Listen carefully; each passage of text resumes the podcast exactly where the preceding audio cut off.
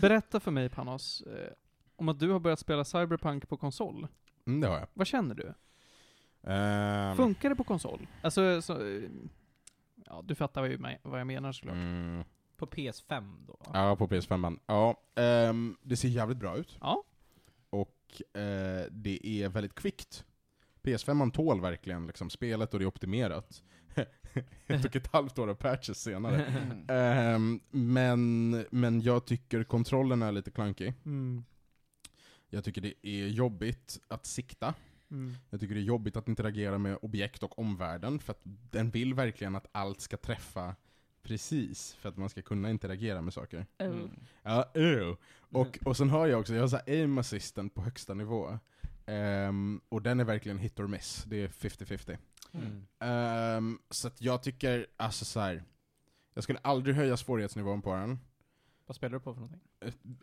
En, inte Ja, ja. easy, men typ normal. Ah, okej. Ja, för att easy kändes ändå så här lite Mm. ge upp i förväg liksom. Ehm, men jag kommer inte höja över normal, och jag tror inte det är någonting som kommer vara roande med att höja över Mm. normal. Och sen så, alltså det är ju, det är ju liksom, det är ju ett dystopiskt liksom GTA. Eh, och det är inte så mycket som skiljer sig. Ehm, Nej, egentligen inte. sen har jag inte kommit så jävla långt. Så vi får väl se, jag kanske Mm. fastnar. Vad valde du för background? Uh, street lamp, Ah, okej. ja, street, Ja. ja, hoodlamp eller vad Jag det är. förstår, jag förstår. Jag var ju så missnöjd med min. Jag valde ju corporate. Ja, jag med. Vad Jag var valde det också corporate? Gud, Ja, båda vi var corporate. Jag Ja, tyckte det va? var askul. Jag tyckte det var jätte... Jag var så här besviken. Jag ville ha mer corporate grejer.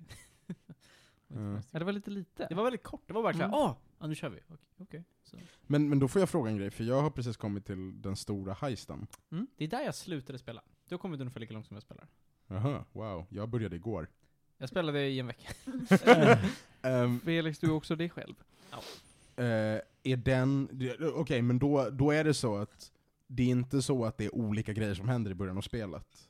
För att ni gjorde också, ni hade också den stora heisten. Ja, jag tror det är väl ett Visst av det första, första questen, stora Ja, questen. va? Det är det. Eh, alltså backgrounden spelar väldigt lite roll. Ja. Det är mest hur du interagerar med saker Ja. i resten av spelet som påverkas Så av... om man är corporate, hänger man också med Jackie? Jag tror han är med alla. Jack är med Det, alla. det, jag, det var det jag var lite misstänkt för att, jag vet inte om ni har spelat Dragon Age Origins, men Ja. där är det så här, jag tror sex stycken olika Origins, Mm. och de spelar roll. Alltså så här, de känns Ja. verkligen viktiga. Och de är så här, de kommer tillbaka, det är mycket storylines. Mm. Det var det jag ville få ut från det här, det kändes Mm. så himla undercooked på något sätt. Ja, Dragon Age Origins är verkligen Ja. the gold standard Ja, när det kommer Mm. till Good game. Origins. Ja, Mm. ja, verkligen, verkligen. Men, men det det, det, det känns också, alltså för de gjorde det verkligen, de, kunde, de gjorde det verkligen lätt för sig, för det är tre olika backgrounds. Mm. Och det att- är inte så mycket. Precis, att jobba ihop ett par timmar på varje background och sen få dem att converga på samma ställe, Ja. Det är inte så jävla mycket jobb. Nej, Jag har hört dock att den Ni här ska få se slutet. Nomad är bättre. Alltså den är mer på Nomad jämfört med de andra. Att man får lite mer unikt ja, det är content. mer, ja, jag har typ. hört det, för att det är utanför stan. Men, Ja. Visst är det så? Nej men eh, du får se, slutet, där börjar det diffa alltså beroende på vart, Aha. vilket håll det går åt. Okej. Rätt rejält. Ja, jag, jag har några timmars spel framför mig. Härligt. Ä- ehm, jag ska försöka spela igenom hela grejen. Ja men gör det, det är ett kul Mm. spel. Mm. I do like. Jag har dock hört Panos att du ska börja med ett From Software-spel. Mhm. Kanske. Och jag är väldigt nyfiken att höra. du Ja. Alltså du får inte ge upp efter att ha dött två gånger. Gör du det så, Jag får väl försöka lite mer. ja. Men, men jag kommer också, jag, jag, är, jag kommer skamlöst att läsa guider. Ja gör Det det. Gör det för guds skull. är det Demon Souls du tänkte på? Ja, det är Mm. Demon Souls. Ja, För att, för att jag, jag, jag vet att Demon Souls har inte så jävla, alltså det är inte så mycket man kan göra för att göra det enklare. Nej, det finns mycket du kan göra omedvetet för att göra det svårare. Exakt. Eh, och det vill jag ju inte. Nej, precis. Nej. Så gör inte det. Jag tänker att den dagen jag spelar Demon's Souls, då kommer jag också använda lite guider. Jag har bara hört att nej men det här är för komplicerat för its own good. Medans, medans vad heter det med Elden Ring så har jag börjat, ja, för det kommer, det, det kommer också hända. Det kommer hända. Elden Ring kan jag liksom inte motstå. På grund av det kulturella värdet. Och där, där har jag ju börjat kolla olika så här, cheese guides. Alltså fan vad man kan cheesa det spelet. På Jag är förvånad, måste jag säga, att du börjar med Demon Souls och inte Elden Ring. Det Det är känns för som det självklara valet. Det är för att det var billigare. Ah, okej. Jag vill inte lägga 600 spänn på ett spel. Felix, Ja? eh, jag har ju äntligen förstått vad du, du och Ronja menar när ni säger att om jag snart kommit till första bossen. Mm. Det finns ju bara fem bossar i Elden Ring. Det finns visste inte jag. 150 bossar i Elden Ring. Nej. Alla andra är minibossar. Ja. Det, Det finns- visste inte jag, det är nytt för mig. Du kan, jag är inte säker på att det riktigt funkar så. Jag, det, jag har ju som sagt inte spelat det. Men vad jag har sett, så det finns bara fem sex mainbossar. Det låter typ ändå rimligt, för att jag kan tänka mig att det är väldigt mycket minibossar som är väldigt stora ändå. Liksom. Ja. Och det, det är de, det är ju klart det spelar roll liksom. Ja, alltså, jag är på min andra boss nu, jag har inte kört på ett tag nu, men senast jag streamade så körde jag den bossen. Det är den andra bossen, stora bossen skulle jag säga. Mm. Men jag antar att det finns fler än fem av dem. Men jag får se. Jag vet. Det som är Breath of the Wild, det är också 5-6 bossar. Ja, precis. Det är Mm. kanske är så där. Mm. Kan, Kan jag få låna det innan du försvinner i Amazonas djungel? Vad vill du? Breath of the Wild. Nej, jag kunde ta med idag. Men vi ses på lördag. Jag tar med det. Ja. Du får Breath of the Wild, jag får vaccin. Ja. annars hade jag kunnat ta det av honom när jag ska få, när vi ska spela um, Fiasko nästa lördag. Just det. Mm. Eller så hade du kunnat låna av mig, för jag har också spelet. Jag vet, det är bara att jag och Felix har pratat om det här i ett Ja, år. jag vet. och jag kommer inte använda det. Jag gav ju Breath of the Wild till min syster och hon gav tillbaka och sa nej. Hon Vadå ju- sa nej? Hon lagade maten och så fort det blev combat så slutade hon. Varför är ni så här? Eller? Hörrni, jag förstod henne väldigt mycket. Så. Vet ni vad jag tror att det börjar bli dags för? Mm. Jag tror att det är introt faktiskt.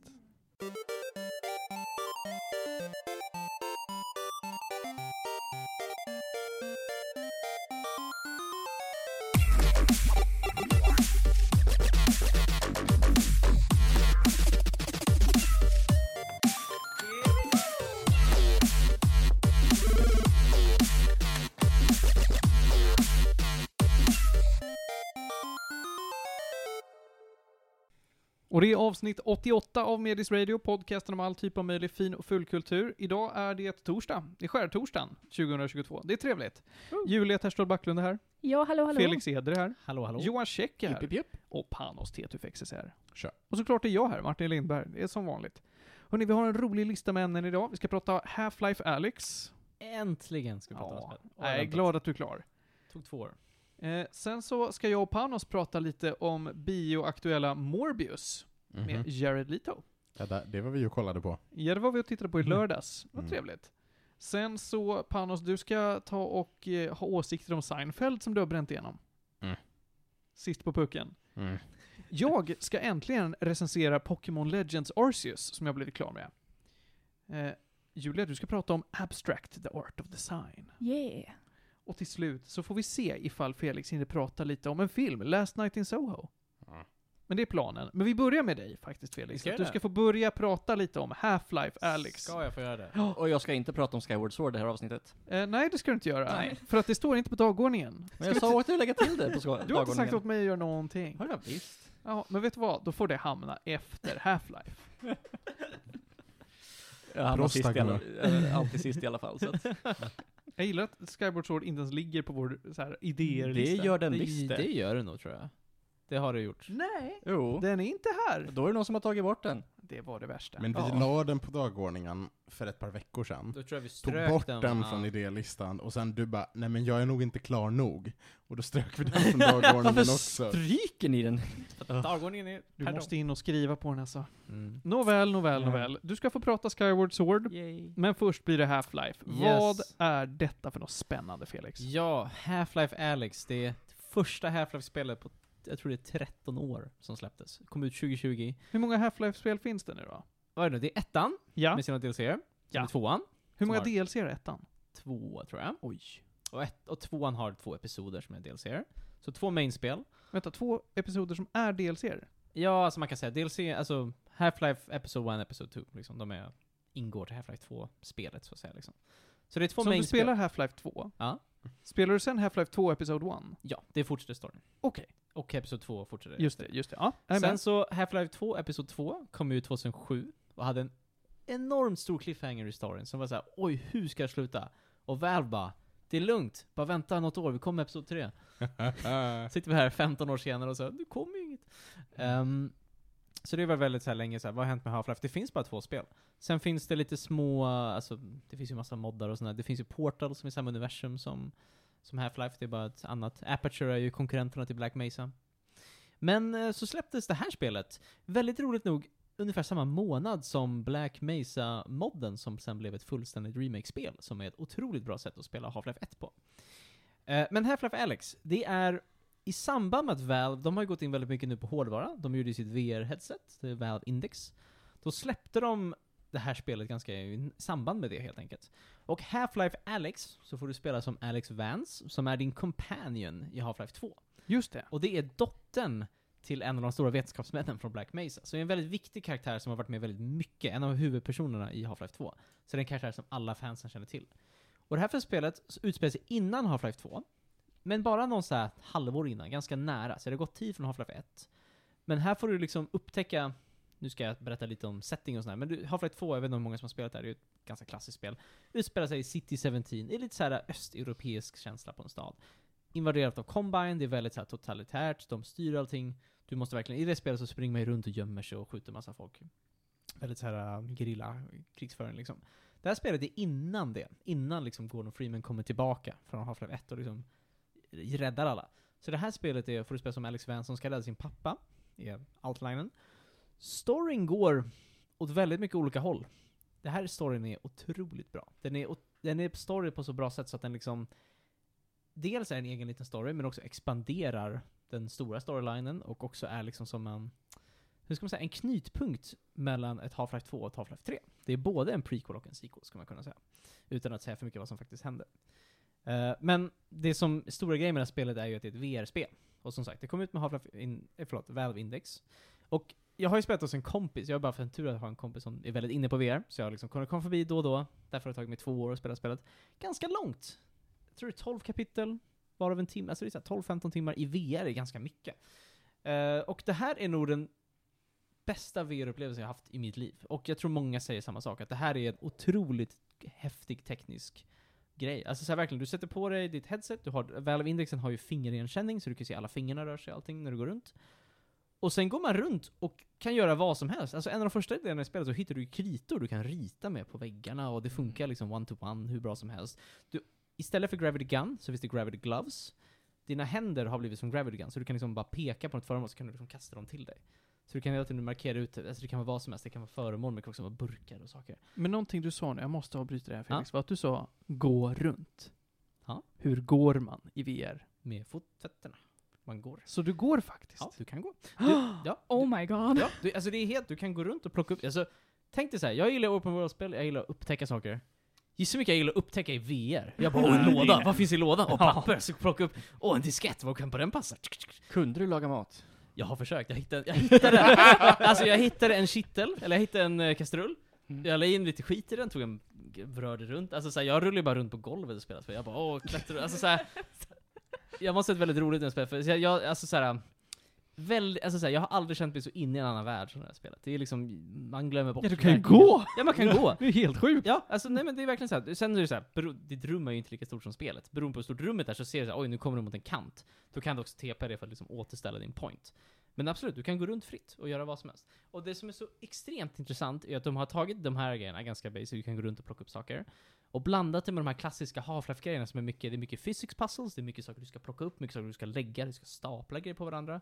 Och det funkar så otroligt naturligt, för du har ju verkligen fingerigenkänning, du kan bara plocka din hand och lyfta upp någonting, och så håller du i den. Och så lägger du någonstans. Och så kan du liksom jonglera, och du kan lägga saker. Och det är jättehäftigt. Uh, Exploration, jättespännande. Eh, som de har verkligen gjort City 17 som en extremt spännande plats.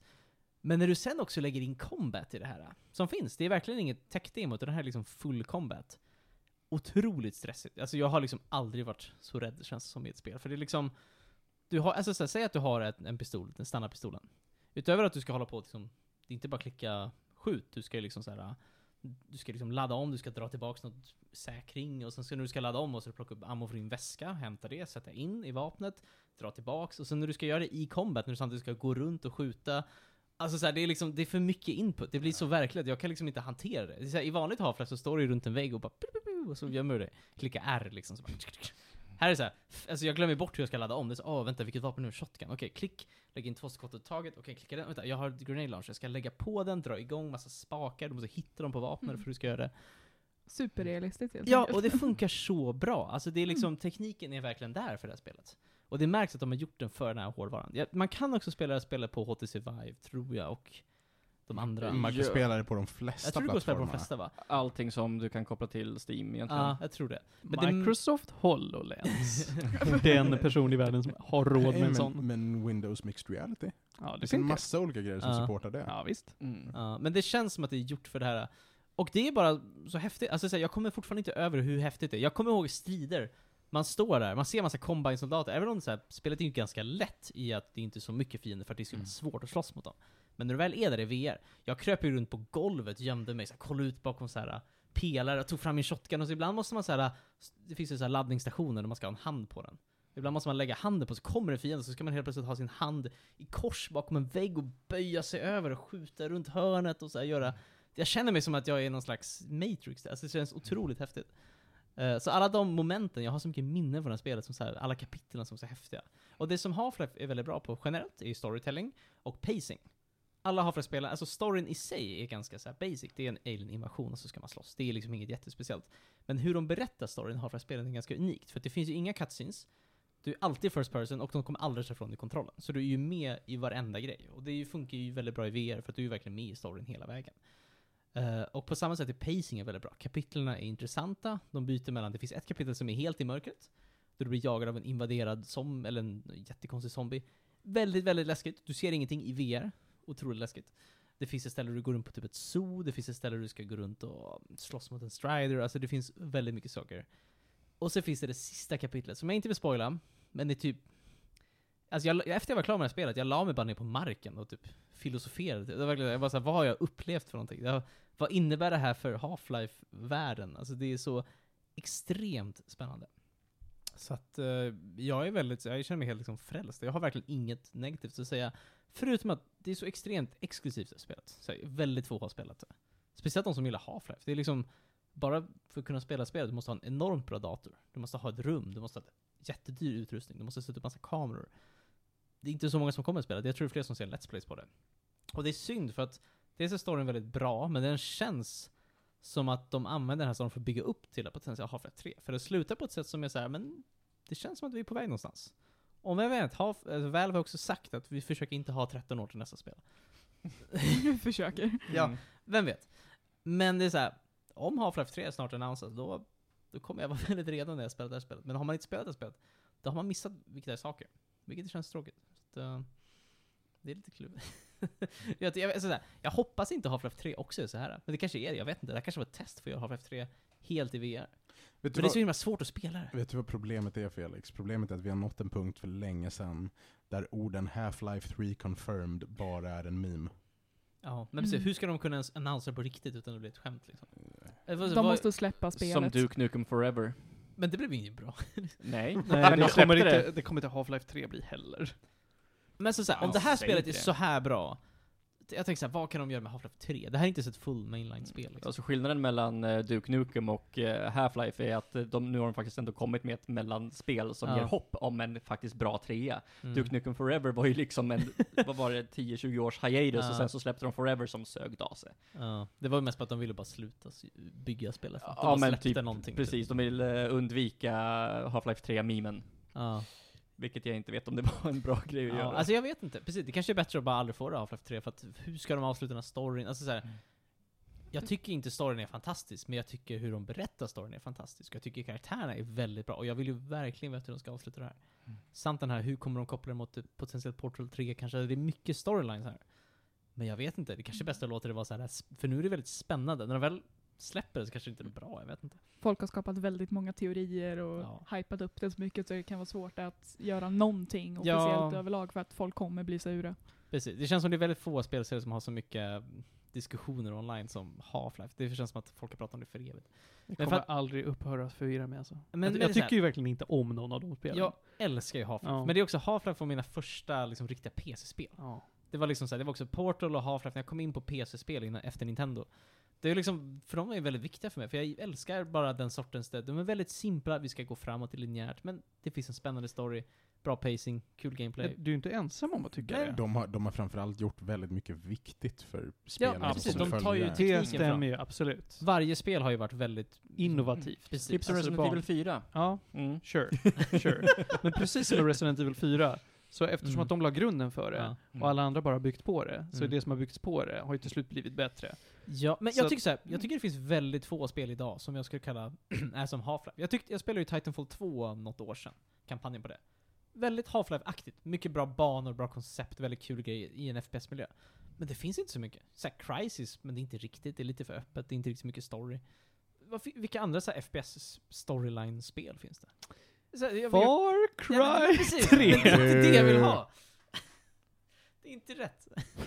Timesplitters? Ja, men det är väl såhär GameCube liksom. Nej, det kom till PS2 också. Ja men, inte modernt liksom. Jag tror du bara snackar generellt, ja. Ja, men, så men jag menar liksom spel nu, för jag, jag, vill, jag gillar ju FPS, för att, så här, jag gillar ju spel som är ganska så här, jag gillar Uncharted, jag gillar sånt som är kort, koncist, bra pacing. Så går snabbt att ta sig igenom. Och det är för mig det är Half-Life liksom. Jag är ju väldigt taggad nu på att gå tillbaka och spela om alla, i alla fall Half-Life 2. Men det är såhär, äh, jag har inte riktigt tiden. Kanske när Half-Life 3 är en då kommer jag spela igenom dem igen, streama dem. Men jag vet inte, alltså jag älskar verkligen Half-Life. Jag, det, för mig är de väldigt viktiga spel. Men jag förstår att de är inte alla för heller, för de är ju de är ganska simpla egentligen. Du går bara gå igenom lite korridorer och skjuter folk liksom. ja, nej jag, jag, jag har inte så mycket mer att säga om Alex. Jag har haft otroligt roligt med det här spelet på de här två åren jag har spelat det. Tagit ett kapitel i månaden eller någonting, jag vet inte hur snabbt det gått. Eh, och jag vet inte, jag är väldigt taggad på fler sådana upplevelser. Men jag är också mer taggad för framtiden av Half-Life. Vad kommer hända med den här franchisen? Vill du ge Half-Life Alex några gäddor? Ja, jag kommer ge det spelet en 10. Oj, oj, oj. Alltså såhär, Mm. för vad det gör så är det en otrolig upplevelse. Jag vill att alla ska spela spelet. Även om jag inte är intresserad av Half-Life. Jag kan tänka mig att det här känslan var folk när de spelade typ Super Mario 64 från första gången. Det här känns som en helt ny grej. Det här känns inte alls som Half-Life 2. Det här känns som det här är en ny grej. I framtiden kommer vi spela spel så här. Det, det, det känns verkligen som jag har kollat i framtiden. Det här är otroligt. Den banbrytande grejen som Ja. eh, lägger grunden för allt. Men precis, jag kan inte komma ihåg att spela jag ska så här, gå igenom en bokhylla och plocka upp lite böcker och kolla lite ammo. Så här. Men då är det, helt, det låter alltså asfett. Det är så himla det. coolt. Alltså, så här, och sen så, ja men typ alla så grejer som Half-Life är känt för. Åh, det är massa tunnor, det är massa så här laserstrålar, hur ska vi hoppa? Alla jumping puzzles. Tänk dig det i VR. Man så här, kryper under laserstrålar och kollar upp och så ska man, åh, så, så här, hur de använder spacingen är otroligt Mm. häftigt. Och det funkar så bra i VR. Det känns som en sån sak som inte skulle funka så bra med de andra headseten i så fall. För jag har Kanske testat eh, HTC Vive Mm. och eh, Oculus Quest. Och Mhm. båda använder ju eh, kontroller som man måste dra sig fram för att gå till exempel. Dra sig fram. Ja, du Ja, kan Quest- inte gå med fötterna. Det finns inga kameror. Ja, det finns Jo, Questen Quest har 2 ka- har Ja, kameror. Jaha, förlåt. Eh, Eh. Jag tror du gaddade ihop dem. Eh, nej, eh, jag har bara testat originalversionen Mm, utav båda. Eh, och där är liksom så här. Helt plötsligt blir det inte samma sak för den kan Ah. inte riktigt känna Alltså- av på det sättet. Det är så här, jag vet, jag hade det problemet med HTC Viven att jag gick in Mm. i väggar Ja. för att den inte märkte av att jag var någonstans. Ja, jag fattar. Alltså så här, jag har inte spelat, jag har ju ändå använt ganska mycket använda spaken för att hoppa Mm. framåt, för att, just för jag blev lite illamående när jag gick ganska mycket liksom. Det blir Mm. så. Ehm, en annan grej dock, jag vill bara säga, för att det här är ju en helt ny cast, det är inte samma röstskådespelare som originalet. Alltså Alex låter exakt likadant. De är otroligt bra cast. Manuset är skarpt, alltså det är väldigt bra manus. Jämfört med, alltså så här, den är lika rolig tycker jag som mycket av Portal-spelen varit, att de är väldigt bra timing på allting. Otroligt roligt spel. Alltså verkligen så, jag skrattade jättemycket. Jag gick runt och de bara säger skämt på radion, jag bara det var roligt. Så. Men, men, men alltså Felix, har, Alltså det är så har, bra. har du spenderat 10 000 på det här headsetet? Nej, jag har spelat med en kompis. Jaha. Jag har bara turen att jag har det. jag har absolut inte den här hårdvaran själv. Ehm, men ja, alltså så här, det är, Jesus, ju- 10 000. Nej, jag tror det kostar så mycket. Utöver en dator. Vill du ha Ja. en HoloLens kostar den 36 000. Varför skulle man vilja ha den nu? Inte fan vet jag. ja. Nej, jag, jag har inte så mycket mer att säga. Alltså så här, um, jag kan inte riktigt rekommendera er att gå ut och köpa det, för att det är, så här, är det ens värt för ett spel? Jag vet inte. Här, jag önskar att det fanns typ så VR-hallar som det fanns arkadhallar för. Bara gå och spela Half-Life Alyx. För det känns som att Mm. det är så man kan betala för, jag vet inte. Och det finns ju inte arkadhallar riktigt, men det finns ju upplevelsehallar. Ja, men det är Men ju ju inget som man kan gå och spela Half-Life Alyx liksom. Nej, Nej. Precis. För det hårdvaran är så himla exklusiv och svår att få tag på. Mm. Och, och dyr liksom. Men, Nåväl hörni, det är dags att gå vidare. Mm. Men det var otroligt intressant att få Mm. höra på om det här nu jag, äntligen. jag hoppas ni får spela det här spelet någon Mm. gång. Alltså bara för Mm. att uppleva Alltså så här, det finns ju vissa bossar och vissa så här, alltså, segment som är det häftigaste jag varit med om i ett spel. Alltså jag kan liksom inte förstå vad jag har gjort. Det är som mina händer och så hoppat runt, allting som händer runt mig och musik. Alltså, Mm. Upplevelsen har varit otrolig. Det, det är en tia liksom. Men, ja, vi får se. Jag är väldigt nyfiken på framtiden för sp- spelserien, men vi- får se vad Valve hittar på. De är ju De är ju som de är liksom. Ja. Så. Alright. Vi fortsätter på spelen och rör oss vidare ett snäpp till ja, vänster och pratar med Johan. Hej. Johan, du har spelat The Legend of Zelda Skyward Sword. Yes, den senaste HD-versionen till eh, Switch. Ja. Eh, spelade aldrig originalet till uh, Wii, eh, som kom. Inte? Nej. Det här var jag ju ett gjort. spel som, visst krävde det Wii Motion Plus? Ja, men du jag fick, på, du fick det med. Du fick det med ja. Jag köpte Mm. med. Just det. Mm. Okej, ja. Jag hade ju det problemet, jag var tvungen att låna såna här Wii Motion Plus-adaptrar för att kunna spela det här spelet. Så att jag, Mm. jag har kört igenom det, Mm. men att spela på Switch måste väl ha varit jätteskönt? Kan jag... Eh, Nej? mm. Vad bra! eh, Take it away Johan. Ja, vi kommer till det. Eh, men ja, eh, Skyward Sword till eh, Switch. Som direkt. Blah. Kom till Wii. Jag kan inte prata idag! När var det? 2010, 2009? Eh, som Elva. eh, originalet kom. 11. 11 kanske. Samma år som Skyrim, det kommer jag ihåg. Okej. Med. Ah! Yes. Följde efter eh, Twilight Princess. Som kom måste det innan kommit till- samma år som Super Mario Galaxy 2. Det var 2010 Det tror jag. Ah, var det inte 11 då? Kanske var 10? Ah, ja. Mm. Eh, utspelar sig som eh, en eh, link där du då är på en ö uppe i eh, himlen. Nämen. Ja. Eh, och man använder fåglar för att ta sig runt. Men eh, det finns liksom ingenting under eh, den här ön, utan det är liksom bara massa moln. Och eh, man vet inte riktigt om det finns någonting där under heller. Mm. Och ja, någon, saker händer. Eh, Zelda blir kidnappad som eh, man bor tillsammans med som är eh, Rackarns rabarber alltså. Ja, som är Zelda. eh, byhövdingens dotter. Ja. Eh, och eh, man blir kallad på eh, uppdrag, basically. Och hon faller då ne- nedanför molnen. Mm. Åh nej. Ja. Eh, så man följer efter henne och eh, upptäcker då att, men shit, här fanns det ju massa land. Eh, träffar en eh, gammal gumma som då säger att du, du är den utvalde. Nej. Jo. Vem kunde tänka sig? Ja. Vilken twist. Jajamän. Men det här är ju egentligen eh, kanoniskt den första Link. Det här eh, är, jag. tror det är kronologiskt första Zelda-spelet ja, i time. Yes. Jag köpte Hyrule Historia när spelet kom ut. Jag har den inplastad hemma Ja. någonstans. Jag läste timelinen, jag, har, jag var Mm. superinne på den när den kom ut. Det är en fin bok. Yes. Så det är, ja, blir då en eh, kapplöpning då för att hitta Zelda som har ju landat någonstans eh, nere i det här landet. Eh, och eh, ja, på den resan är det egentligen. Eh, och det som skiljer sig gameplaymässigt väldigt stort i det här var ju att de ville utnyttja ja, men den här Wii Motion Plusen egentligen från början. Och det är ju det att du kan egentligen svinga svärdet egentligen 360 grader. Och eh, om man liksom göra eh, hugg, svingar liksom i vilken riktning som helst och en eh, stab. Det är ju det, det här som är det bra med Wii Motion Plus. Det var säkert bra med Wii Motion Plus. det sög med joycons. På riktigt? Ah. Ja.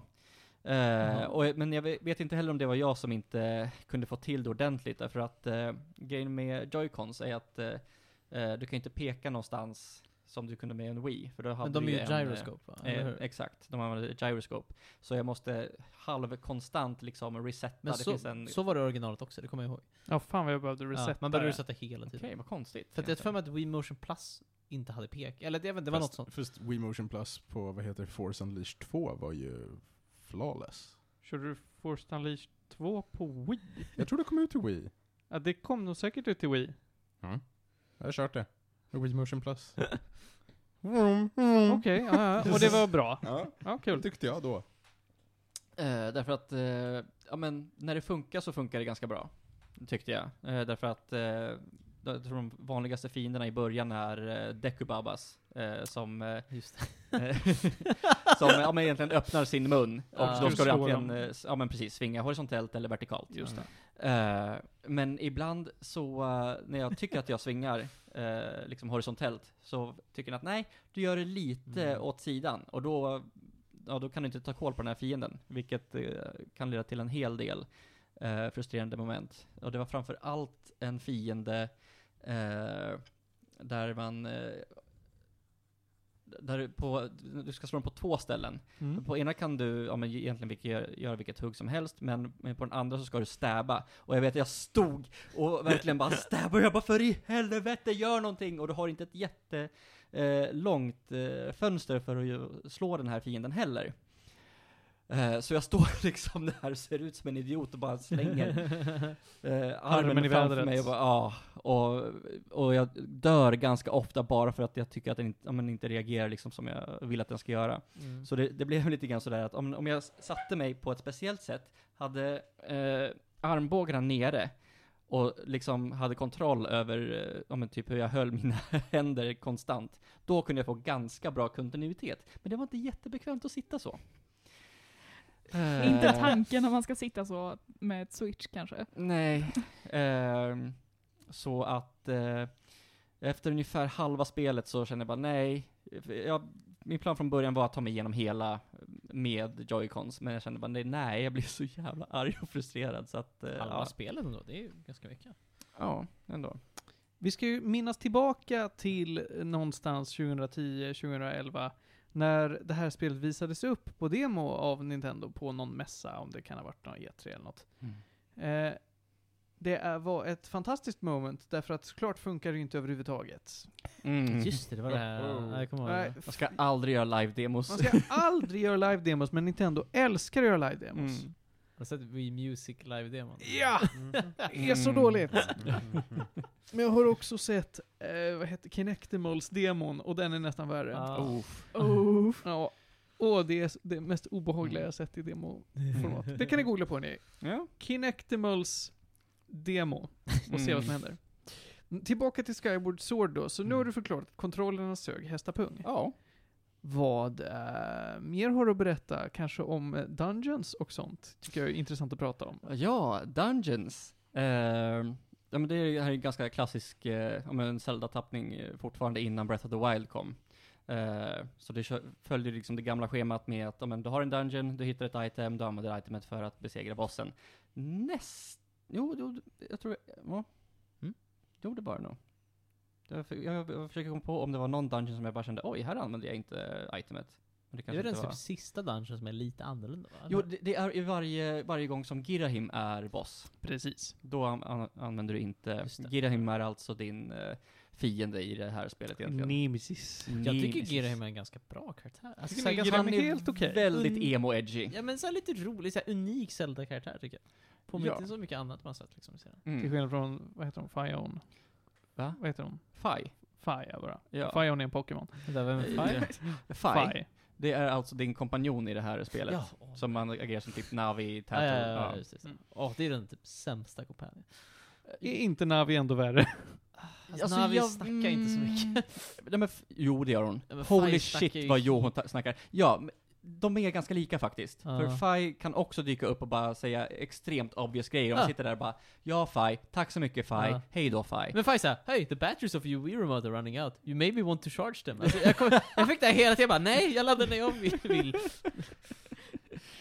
Eh, nej men jag- tyckte att Fi var en, hon är en väldigt statisk och liksom, ja men kall figur, men det är ju meningen att hon ska vara också, för att hon är Mm. väldigt robotisk, mekanisk av sig. Eh, men det och bygger också på att eh, du eh, i en av, egentligen så är det fyra kan man säga, världar som du besöker. Du har himlen, och sen så har du tre platser nere på ja, men jorden. Som, Men, men vad spännande Johan. Bara tre platser? bara tre platser. Hmm. Hur fyller man ett spel med bara det? Ja, man expanderar dem lite granna, hela tiden. Åh, vilken cool design! Nej! Det måste väl alla ha älskat? Det var skittrist. Tycker du ja? Jag Ja. tycker det är jättenice. Alltså jag tycker att det är häftigt att de eh, har kunnat utnyttja de tre platserna på så vis, men de här tre platserna är inte så roliga att upptäcka. Fair. Det, Ja. det minns jag också, att, för att jag tycker Dungeons i det här spelet är väldigt bra. Jag tycker Mm. faktiskt bland de bästa Dungeons i spel. Jag håller Alltså, med. Jag håller verkligen med. Alltså den här vattentemplet med den här statyn är ju ascool. Den är nice faktiskt. och det där piratskeppet. Men, och- Ja, ascoolt. skeppet. Alltså det är asmånga. Men bossen i den, eh, jag vet inte, den första du sa, eh, som är Vatten- ko- ko- kolo- koloss, koloss. Han är ju cool väl? Han är typ... Han är asbra! Ja. Det är en av mina toppfavoritbossar. Ja. Eh, men, eh, nej jag vet inte. Eh, Mm. det, det är väldigt komprimerat, känns både, för det, är inte stora dungeons. Nej. De är inte stora, Nej, nej, nej, de är inte nej. korta, men de är inte Hur definierar stora. du stora? Jag vet inte. Spänner över stor yta. Ja, ah, okej, sure. Det går ju snabbt men det känns som de flesta spel, alltså Zelda-spelarna. Nej, jag tycker inte det. Nej du. Vissa Twilight Princess, Twilight Princess Dungeons är Twilight så Princess- jävla långa. Twilight Pris- Princess tror jag har de allra längsta och största dungeons Ja, i okej, serien. Sky Temple där är ju helt. Jag må älska Twilight Princess, men vissa tempel är så fucking långa. Ja men uh, Sky-templet, Sky där du liksom Templet, ja. sitter och hänger Exakt. i... Den är ju nice, men den är lång. Ja, Ja. men ja. tidstemplet är väl inte den längsta kanske, men ja, det den är ganska lång också. Men, men min poäng bara var att det, Mm. det gillar jag jättemycket med Sky Resort. Det jag minns att de här andra areas, precis när man är liksom overworlden, Mm. de är, precis, de är ganska tråkiga. Alltså de, Ja. är, de känns som att det är, så här, det är alltid så mycket skit man ska göra som så här, bara i Mm. vägen. De är inte, det är ingen så här exploration som Breath of the Nej. Wild, eller ens typ Twilight Princess eller de andra spelen. Ja, Det är men, Det är, så här, du ska, det är typ som en dungeon ändå, du ska göra massa konstiga pussel, men det är aldrig kul. Du ska, ja du samlar noter typ, alltså så här, du ska inte Mm. göra massa små saker. ja men liksom varje, varje area känns mer som en bana än en plats som jag kan upptäcka. Var, exakt, det är exakt vad jag Ja. tycker. Så det, kä- så, det, det, känns det inte- funkar inte riktigt. Nej, det, pass, det känns ingen bra värld, det känns bara så här, Mm. Jag vet inte, jag gillar inte det. Nej, eh, så att den känns, den, den är inget kul att upptäcka, den känns inte, ja men, som att bara säga yes, nu ska jag hit, utan det är liksom så här, ah, okej, nu måste jag ta hit och hopp, hoppas att den saken finns här uppe så att jag kan teleportera portera dit. Nej, fasken den fanns inte, jag måste ta mig ner hela vägen ner för Mm. berget. Eh, men, eh, vad skulle jag följa upp det med då? Eh, Bra hub area dock. Skyloft är ju mysigt.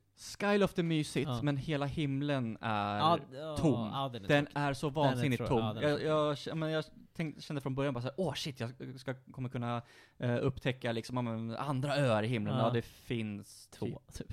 Ja men det finns en med en pub. Det Ja. finns en där Beatle hänger.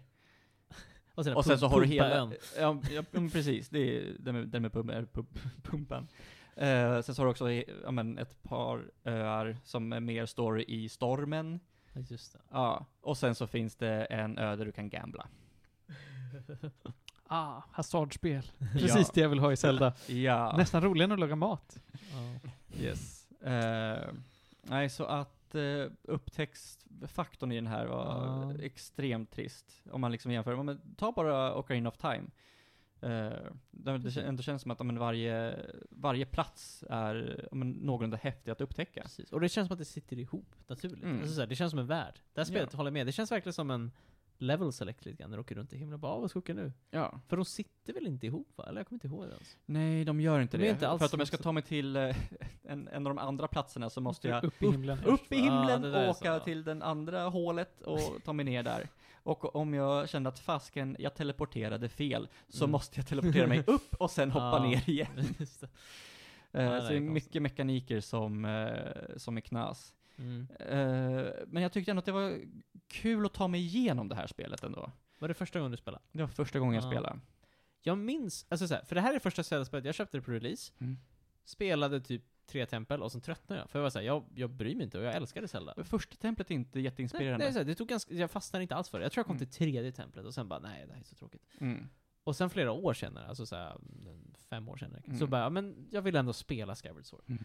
Och så spelade jag igenom hela, och alltså, jag gillade det. Alltså Mm. så här, det var inte dåligt, det var Mm. bara inte så bra som jag tyckte de andra Zelda. Alltså så det Mm. var inte som en Twilight Princess eller Nej. Ocarina of Time, eller ens Breath of the Wild. Alltså så här, det är Mm. liksom så mycket, jag håller med dig, det känns liksom väldigt arti- artificiellt mycket så att det jag dock gillade typ ändå är ändå storyn. Alltså jag tycker Ja. ändå storyn är spännande, jag vill ändå veta hur det slutar, det var därför jag ville gå tillbaka till det, för att det är en spännande story. Det, det är bra att du tar upp det, därför att jag har tänkt på det här, att för att liksom lägga grunden för vad liksom den första Link och Zelda Ja, det är för någonting, story, så liksom. är det vansinnigt fattigt med lore. Det är vansinnigt fattigt med lore. Alltså, alltså min favorit i spelet är egentligen, det är början och slutet egentligen. Ja men för de är bra, eller hur? Ja, de är jättebra. Däremellan så är det typ, typ ingen lore. Ja, det, problem, det här storytelling i det här spelet är alltid såhär, åh, nästa dungeon, då finns det, så kommer vi fram. Nej, det var i nästa dungeon efter det, och så bara jagar man någon Mm. som man aldrig Ja, kommer ikapp. Bara, så- Zelda is not in this Ja, castle. ja, ja, precis. Det var ju typ fem dungeons på raken var det, så man bara, really? Så, så, här, Så lite story. Men när du väl Mm. får payoffen i slutet tycker jag att den var ändå ganska nice. Ja, payoffen är Eller jättebra hur? Visst faktiskt. är den? Man ja. bara såhär, wow, det var en cool story. I Ja. don't know alltså. Jo. Nej, vet ni vad som Jo, inte är bra? Ja. In prison. Sättet man tar sig dit. Ja. Alltså fucking sista, eller ja, sista är det inte, det är ju alla bossar. Ja. Fucking in prison. Alla in prison, alltså Den, den är dålig, ja. Den är så dålig. Men man möter den då, tre gånger? Tre gånger. Och det är alltid samma sak. Den blir bara längre. första är helt okej.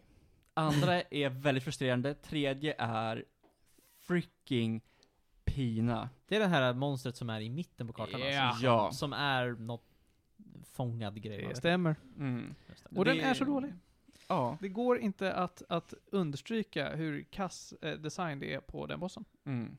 Man Den är ful, den är tråkig, den är lång, Och- den är pillig. Ja. Du får inte fucka upp. Nej. Ska slå den på tårna va, så den ramlar? Vad var det? Ja. Mm. Och från... Och ska du eh, skjuta katapulter på ja, den. Och från andra så skickar den liksom ut eh, liksom chockvågor när den Ja. tar steg. Mm.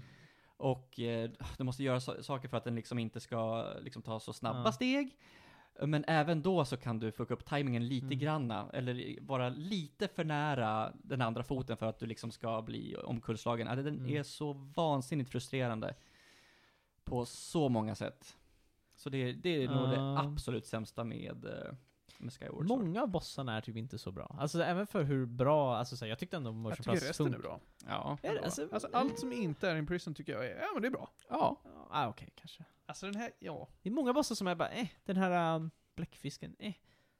Den här... Uh, tenta, te, vad är det? Ten, tentaklo, eller vad heter det? Jag minns inte Johan, det var tio, ja nästan Mm. tio år sedan jag spelade det här. Nej, men Ja. för det var ändå väldigt många kreativa sätt att, att, Mm. att, som du behövde använda för att... ja, det eh, kanske var. Jag tyckte om det här uh, skalbaggen var en coolt item tycker jag. Som du får Ja. kontrollstyra. Det var Ja, ett bra ja, item för tekniken tycker jag. Mm. Absolut. Den var särskilt viktig för att det gjorde att du typ aldrig kunde fastna på något ställe. Precis. Mm. Just det, så var det. Mm. För ofta som man kunde bara såhär, fasken har jag fa- fastnat här. Jag har min multitool, jag har min lilla Ja. beetle. Det här var ju också första Zelda-spelet, tror jag, med crafting. Alltså såhär, Just som det, var riktigt såhär, för det här spelet, som sen Breath of the Wild tog över mycket mer, kan du ju hitta massa små items. Jag tror inte du kan det ju. Jag kan inte minnas att du kan hitta det i Twilight Princess. Små items och uppgradera. Ja men precis, för Mm. Twilight Princess hittar du bara rupees, tror jag. Jag tror inte du hittar sånt i Ocarina of Time heller, det är bara rupees. Och det här spelet så samlar du material som du kan uppgradera din sköld och dina svärd och sånt som jag tycker är kul att göra. Jag tror inte, jag kommer inte ihåg Samma, det finns... jag älskar Ja. att uppgradera. Jag minns inte om det är matlagning också, det kan vara det. Jag tror det finns väl någon snubbe man kan be att laga mat åt och så gör de potions eller någonting. Tror jag. Ja, du kan uppgradera potions. Ja, så kanske det är. Mm. Men det är nice, jag tycker det var bra. Mm. Alltså sen tycker jag Breath of Wild gjorde det bättre. Men mycket av idéerna från det här spelet har ju Breath of Wild tagit över. Som typ Stamina var väl ny för det här spelet också? Ja. Mm. Tror jag. Jo, Inte men det var den. Jo, är men det rätt var det säker på. Jo, men så var det nog. Eh, ja, därför att eh, ja, men det här spelet introducerade då ett stamina-system helt enkelt. Ja. Så att du, du kunde liksom inte springa hur långt som helst och eh, du kunde inte svinga. Du kunde svinga men inte göra liksom spins och sådana där saker hur många gånger som helst. Eh, det är väldigt sant. Och samma sak även med, vad heter det? um, Gud, vad ska jag säga? Det var väl samma sak med, uh, inte Stamina, men även typ såhär, uh, du fick ju gliden också va? Eller hur? Det finns väl en glider det? Nej, det finns inte en glider. Nej, det, finns är en- fåglarna man har det. Ja, Men, men det finns det, inte, man hoppar upp en kant, kan man inte? Jo, men du kan inte glida. Du kan bara falla med stil. Ah, ja. Okej. Men det är såhär ett frön till idén för Breath of the Wild liksom. Mm. Ja, men det, den la ändå grunden för väldigt mycket, Mm. men jag, när man kommer från Twilight Princess, ändå, så- som är, som vi har sagt, det är ett väldigt stort spel. Och det här Skyward Sword som är väldigt, ja men komprimerat, Mm. känns det verkligen. Uh, Vill ta upp Midna, eller snarare Fi, och för det känns ändå som att hon pratar en hel del som Midna. Ja, det tycker jag också Alltså att samma röst, eller vadå? Nej, inte samma röst, men de har liksom... eh, Samma sätt att uttrycka sig. Ja. Eh, Jag tycker ju Midna är den bästa companion. Hon Ja, extremt lätt. intressant karaktär. Absolut. Och det Ingen kän- annan är som henne. Och det kändes som att de ville typ göra en ny Midna. Men, det... lyckades de inte Nej! Då, istället Ah, för att min- liksom ta en eh, känslosam, liksom spännande karaktär som är Midna, Ja. och så tar de Fai som är... eh, Väldigt ja, men, platt. Ja, men det ska hon ju vara för att hon är basically en robot. Exakt. Och jag Ah. förstår inte tanken bakom det heller. Därför att de andra robotarna man träffar genom spelet har så, så. mycket mer karaktär än vad hon har. Ja, det är konstigt. Ja, Ah. Ja, jättekonstigt är eh, val. Tråkig. Jag menar, ja, Mm. verkligen tråkig. Det också tycker jag Zelda i sig är en rätt kul karaktär. Zelda brukar vara ganska tråkig Ja, karaktär. Zelda i det här Zelda är lite såhär, lite bättre personlighet liksom. Mm. Mm. Även om hon inte är med så mycket. Mm. Ja. Impa är väldigt bra också. Mycket bra. Och Impa i det här spelet är nice tycker jag också. Gruce, eller vad han heter? Ja, Ja. Gruce, Mobbaren. ja. Gruce är rolig. Han är bra. Men jag funderar också på, därför att man ser ju när Girahim typ teleporterar, han, hans grej är ju egentligen, ja men ruter eller diamonds eller vad man säger. Eh, tyckte ni att det påminna lite grann om, uh, om en, egentligen rutorna i Twilight Princess? Jo. Uh, alltså Twilight-magin eller vad det är. Ja Alltså men basically. Ja. Att det liksom på något vis är connectat. Ja, kanske. Jag tycker det. Mm. Zelda lore är väldigt... Spännande. Lite rörigt. Väldigt spännande. Ja. Hörni, vi måste ta och börja runda av det här nu. Mm. Eh, innan det så vill jag ju bara säga att jag tycker att trots, alltså det här, det är ju väldigt mycket bra, väldigt mycket väldigt dåligt. Alltså det, är, det är väldigt mycket upp ner. Mm. Ganska lite spelet som jag tycker är okej. Men jag lägger ändå det här på, alltså antagligen någonstans topp tre Zelda-spel Wow! Ja. Hur många Oj. har du spelat? Jag har spelat alla utom de till Gameboy, eh, alltså okej. Åh vad jobbigt det blir nu. Jag har inte Inga kört, handhelds. ja men nu får jag räkna upp dem då. Jag har inte kört två, jag har inte kört Oracle of Seasons, Ages, jag har inte kört, vad fan heter det? Awakening. Awakening har jag inte kört. Jag har inte Cap. kört, ja Minish Cap har jag kört. Mm. jag har inte kört det här, vad heter det? For Heroes någonting. Va? Vad heter det? Tristar Heroes. Tri Triforce Heroes. Heroes. Triforce Heroes har jag inte Mm. kört. Phantom Hourglass? Jag har inte kört någon till DS. Nej. Spirit Tracks. Jag har inte Mm, kört. Phantom Hourglass, inte Spirit Tracks. Mm. Så att det är lättare att räkna ut om jag har kört.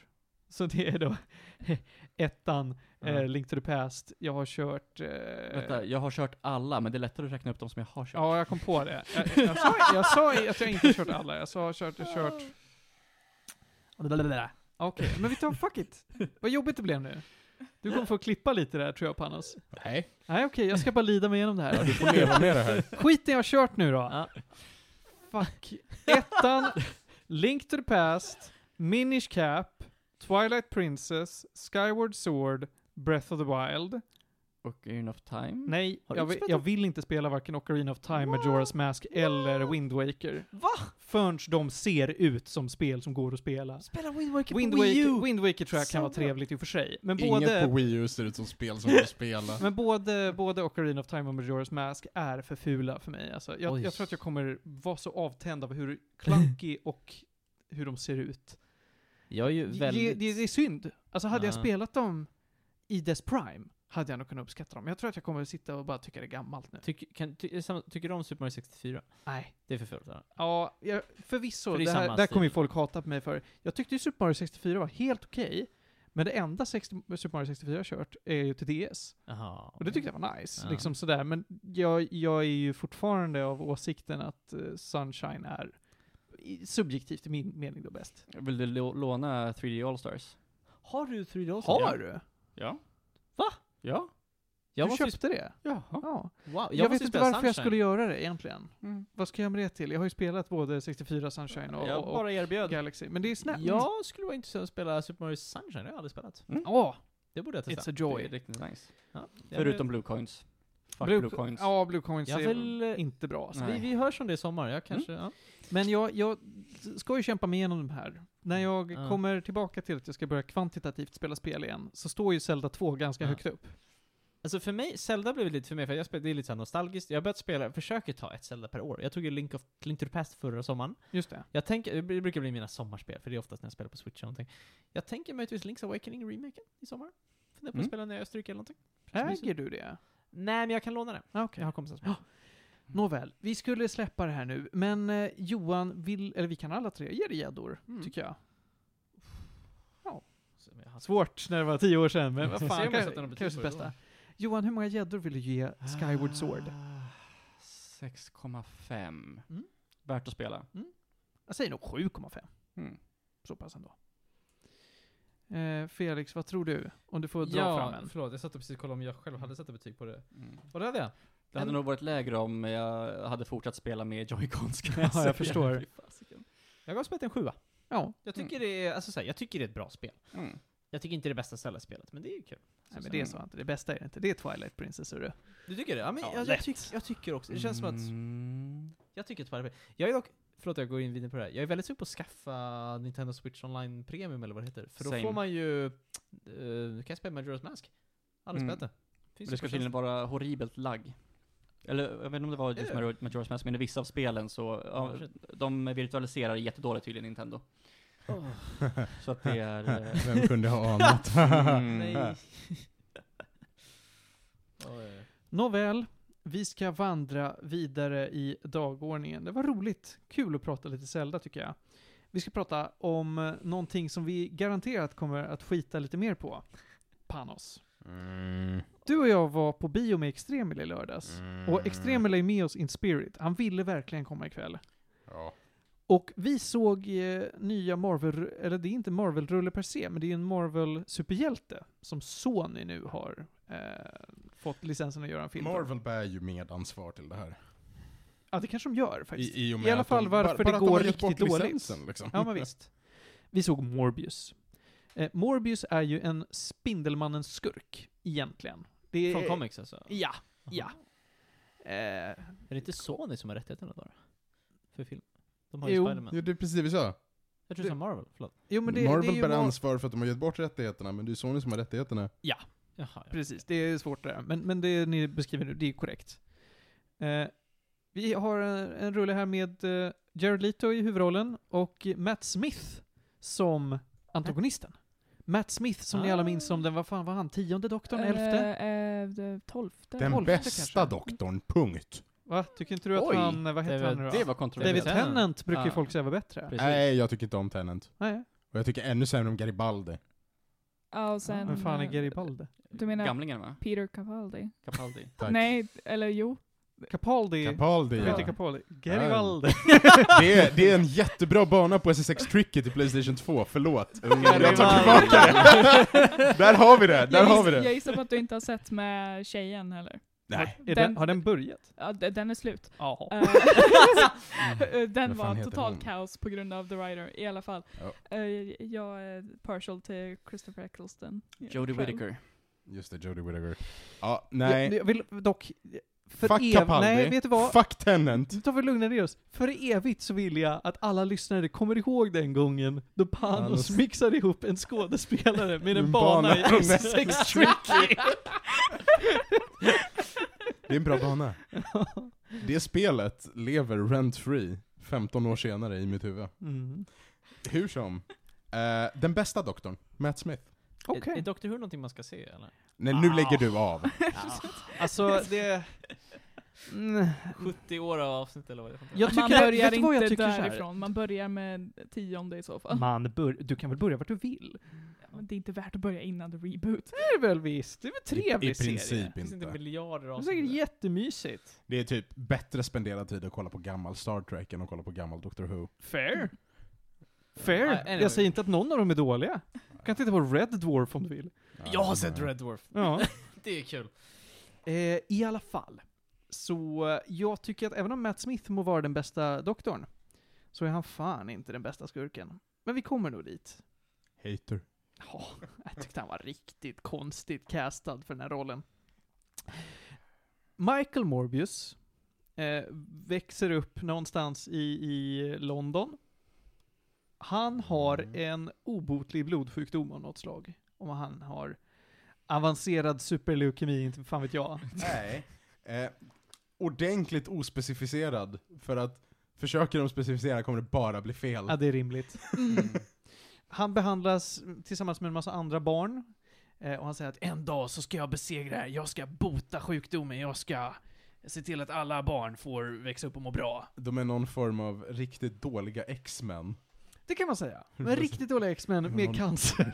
De har någon mutation, någonting. Ja. Ja. Väldigt synd om de här barnen. Eh, skippa fram sådär en 20, oklar ti- tid, 25 år säger vi. Eh, så är han en av världens mest framstående läkare inom sitt ämne.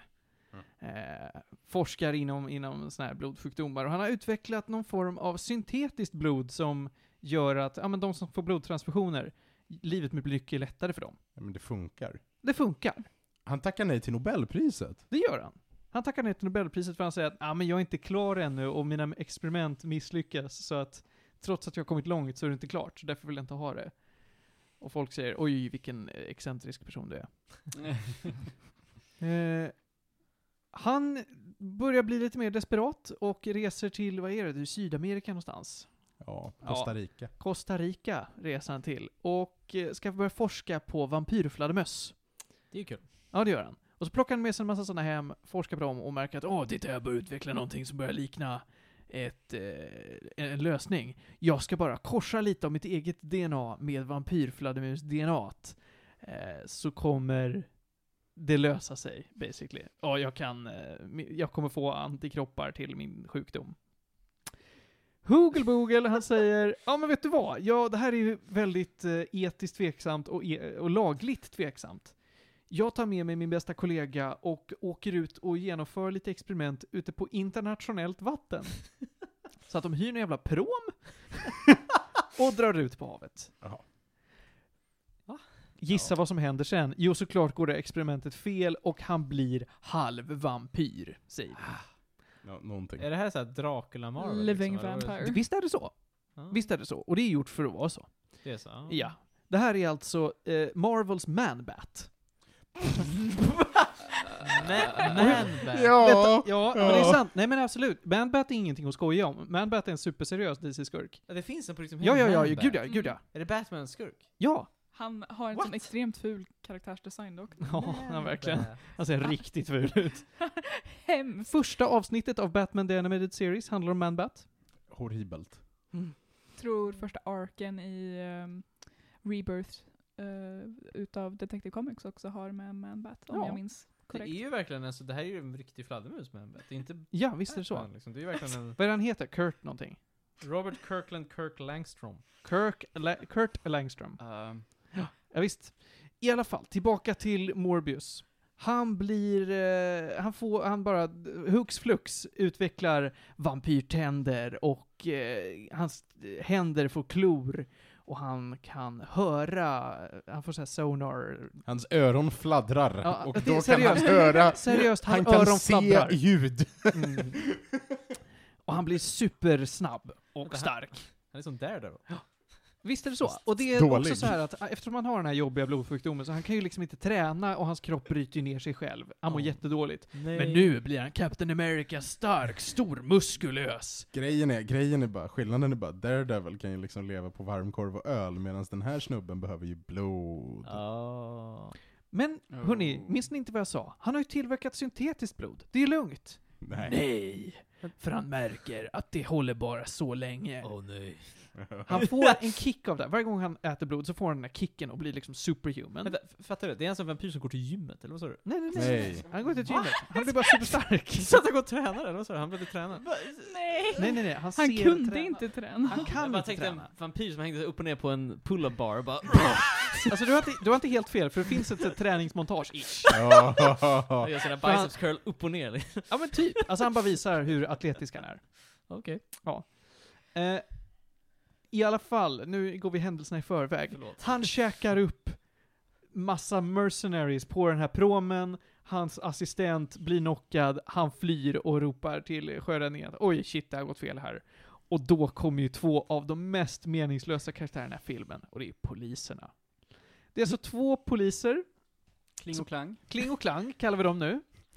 Som bara är honom på spåren och tycker allting är mystiskt och de har verkligen inga ledtrådar förutom att hmm, alla kropparna är, är tömda på blod. Det måste vara en vampyr i körningen."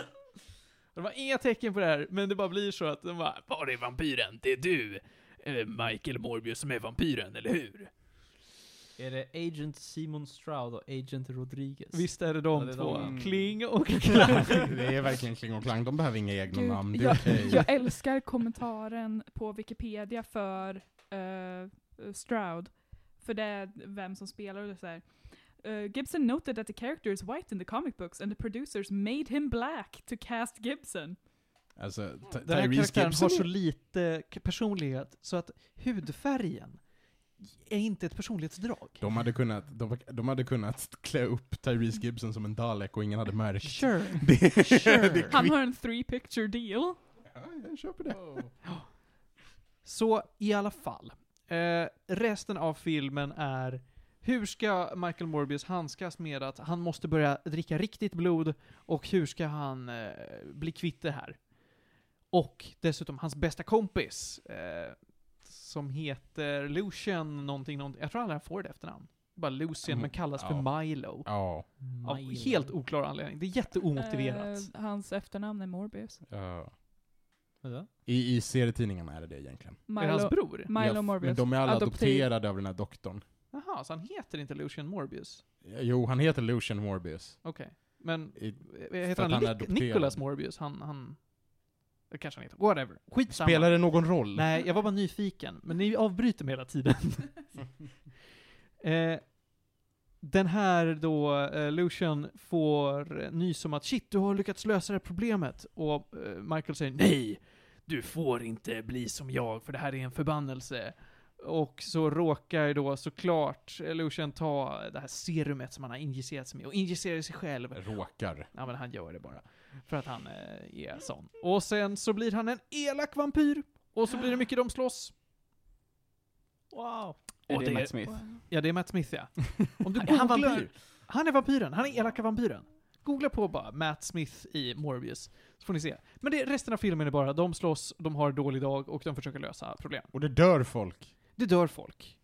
Det här är inte en R-rated film. Precis som Venom 1 och 2 hade det här behövt vara en R-rated film för att ha någonting att komma med. För det här är övervåld utanför kameran. Det är alltså, vi hör mycket slafs och eh, lemmar som flyger och grejer.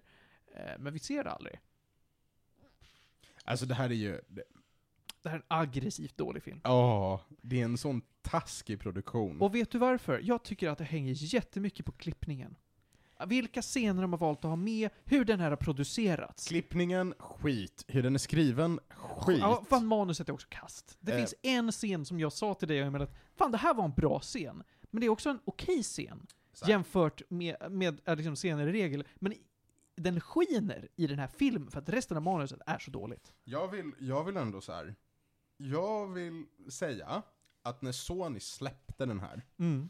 så visste de att den skulle gå dåligt. Mm.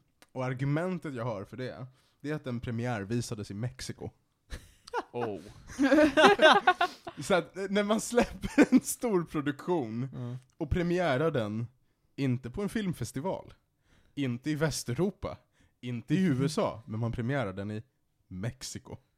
Då vet man själv att man har släppt något halvdant. Samt att liksom, jag har knappt hört talas om den här filmen. Har det varit någon marknadsföring? Jag har inte sett en enda poster, typ. Det har dykt upp. När vi kollade lite, på någon alltså. annan film för några månader sedan, då gick fan en kort Ja, teaser sett- Jo vet du vad, jag såg en trailer på den här innan jag såg Batman. Jag tror, Ja, jag tror exakt. det. Ja, jag det var det enda gången jag sett då. någonting om den här filmen. Ehm, Och jag var såhär, vad är det här? Jag har aldrig hört talas om. så här, jag tycker, personligen tycker jag att det enda som var roande med att kolla på den här filmen var Matt Smith. Inte för att han är välskriven, för det är han inte.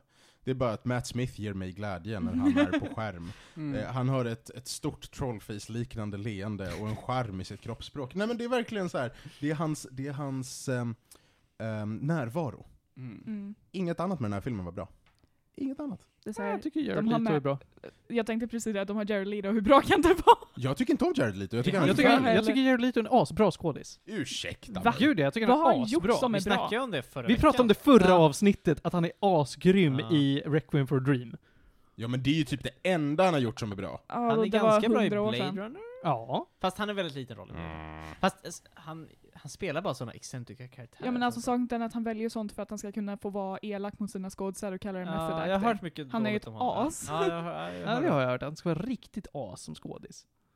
Var inte han som skickade, mm, vänta, mm, never mind. Mhm. Det kanske jag inte ska säga i eh, s- sändning. Nej, nej men eh, nej. Jag tyckte inte Jared Leto gjorde något speciellt här. Mm. Det, det var inget, inget särskilt. Alltså den här filmen är inte värd att betala för. Ni gick Mm. ändå på bio, så den här? Ja, men vi alla hade gratisbiljetter. Ja, okej, okej. Ja, den, den här filmen är inte värd att betala för. Nej, nej det är den inte. Det, här- var ett kul drinking game, tror jag det hade varit. Ja, det hade det nog kunnat vara. Jag, jag lägger den här filmen Och en lite sån här högre. filmkväll. Ja. grej liksom. Nej men sup varje gång något är dåligt. Alkoholförgiftning. man lever en halvtimme. Nej, men Vad jag tänkte jag du lägger på den här filmen i liksom så här listan på så här superhjältefilmer som man bara inte fattar. Det känns som Venom. Så här, vad ens är de? De hänger inte ihop med någonting va? De är bara sina egna små filmer som... Venom 1 var lite då. trevlig. Ja, alltså Venom kan vara lite så här mysig om man ser det som där det borde vara som en romcom. Va? Jag tycker Venom är bättre än Deadpool 2. Ja. Venom 1 ja. Ja, ett. Venom 1, ja. Det- Venom 2 var... Eh, eh, ja. Nej men det här, är, det här går inte att rekommendera till någon. Nej, Den har fått 16% på Rotten Tomato. det är riktigt illa. Mm. 5,2 på IMDB. Både, både jag och Emil var på väg att vända oss och slå på käften. Åt folk fo- som applåderade. Ja, det var folk bakom oss som applåderade i biosalongen när den var klar. Hur många var det i biosalongen? Fullt. Det var fullsatt. Oj! Ja! Jag har sett så mycket bilder av folk lägger upp, det var jag här. Och så- Nej, det var fullsatt. Va? Det var så På jävla... Morbius? Ja! Alltså vadå, det är inte en film som folk inte ser.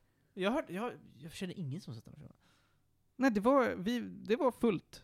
När vi såg Var den. var ni? Tellus? Vi var Sergel. Tellus, Låt- det är bara du som går dit. låt, låt, bara, låt bara säga det här. Letto behövde inte method-acta den här. Mm. För att, att spela vampyr var så nära hans egna upplevelser. Jag vill bara, jag vill bara, alltså så här, den här filmen är så katastrofal på alla plan. Den är liksom, Mm. den är, den är jobbig att berätta om. Så dålig är den. Nej, jag tycker inte det. Jag, jag njuter av att prata om den här. Varför? Först jag tycker det är så roligt att, att skita på den här filmen, för den är, den är ju så aggressivt dålig att det är skrattretande. Alltså, den låter lite som så här tidig 2000-tals superhjältefilm. Mm. Den ser ut som det också, det är så här, Den är ganska, alltså jag, jag tänkte mycket på, vad är det, 2003-Hulken? ah, Den är, alltså grejen är att den är ju, den är ju grafiskt snygg för att Sony-pengar. Ja men de gör, inte- de gör mycket konstiga val alltså. Ja, och de gör inget bra av det. Han kan flyga, Nå, och ja, kan, Typ, han, han kan han flyga kan- med vinden. han kan glidflyga på vinden. Och då får han en lila outline. Coolt. Och- Vinden får, alltså han får så här streaks. Och det han är så kan, jävla konstigt. han vinner med kraften av fladdermus. Han gör kamehameha med en svärm med fladdermöss. okej. Ja! Och sen, och sen, och sen så slutar filmen, jag tänker spoila den här. Okej. Filmen slutar med The Crack från Spider-Man. Vad Va? crack? No Ni way vet. home. No Way Home, när universumen sammanstrålar. eh, Du har inte sett Way No Home. Way Home? Nej men det öppnas, det öppnas en rift i alla de fall. gör en, Det är det som är grejen med No Way Home. Så att i, i filmen också så öppnas det en rift. Mm. Och sen Till så... den här filmen? Ja, Ja. vänta, ja. För att Ja, de, har de ju, de, de har ju crossed the streams. Mm. Ehm, Men det här är väl inte... Sony och Marvel Jo, jo, liksom jo, jo. touching tips. För att i Så No att- Way Home så är Venom med. Ja. Är Disney äger ju delar utav Sony nu. Och i alla fall, och det som händer, från ingenstans, Så, så, så dyker Andrew Garfield Nej. Vulture upp. Det är Inte Andrew inte Garfield. Andrew Garfield, Nej, det är Tom det- Holland. Jag vet, men det är... Det är Tom Holland Ja, som Tooms Vulture. är fan i de tidiga Tom Holland-filmerna. Ja. Ja, så Alltså att vadå? Dyker... Vulture, Michael Keaton. Michael Keaton! Michael Keaton som Vulture, upp alltså. Ja! Ma- Michael Keaton som What? Vulture från MCU, Spiderman, ännu konstigare, Han dyker upp i dyker upp sista två minuterna, Oh my god. han d- dyker upp i en fängelsecell, blir frisläppt för i det här universumet är han inte skyldig till något, bygger på något sätt ihop sin Vulture-dräkt utan några av sina material. Vilket är jättekonstigt för att han bygger det med sån här Proclaimer, vad är det det heter? Alltså, Ja, men grejer från invasionen. Ja, Ja. precis. Ja, och så, så, så i den här filmen, så, så off-screen så bygger han ihop sin skit, och stämmer möte med Michael Morbius i öknen på natten, och så bara hej hej, wanna, wanna work together? och de bara ja, sure, och så stänger filmen.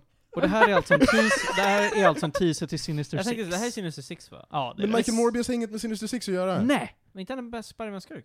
Jo, men Sinister Six är inte på, alltså jag, jag visste att det Ja. är Spiderman-grej, men Michael Morbius är inte för det mesta med. Vilka är Sinister Six? Jag Det, vet inte. det som är, det som är, Doc Ock vet jag är med där. alltså. Doc Ock är med, Rhino är med, Ja. Vulture är Att de med, standard. Scorpion är med va? Ja, Scorpion är med. Ehm, Vi har haft för lite Rhino alltså. Tycker du det? Jag tycker att Rhino är någonting man bara inte borde ha med Ehm, Vad är det någonstans. med Spiderman alla djurskurkar? Alla. Det är sant. Annars Vulture, oironiskt, Scorpion. Juggernaut har vi haft för lite.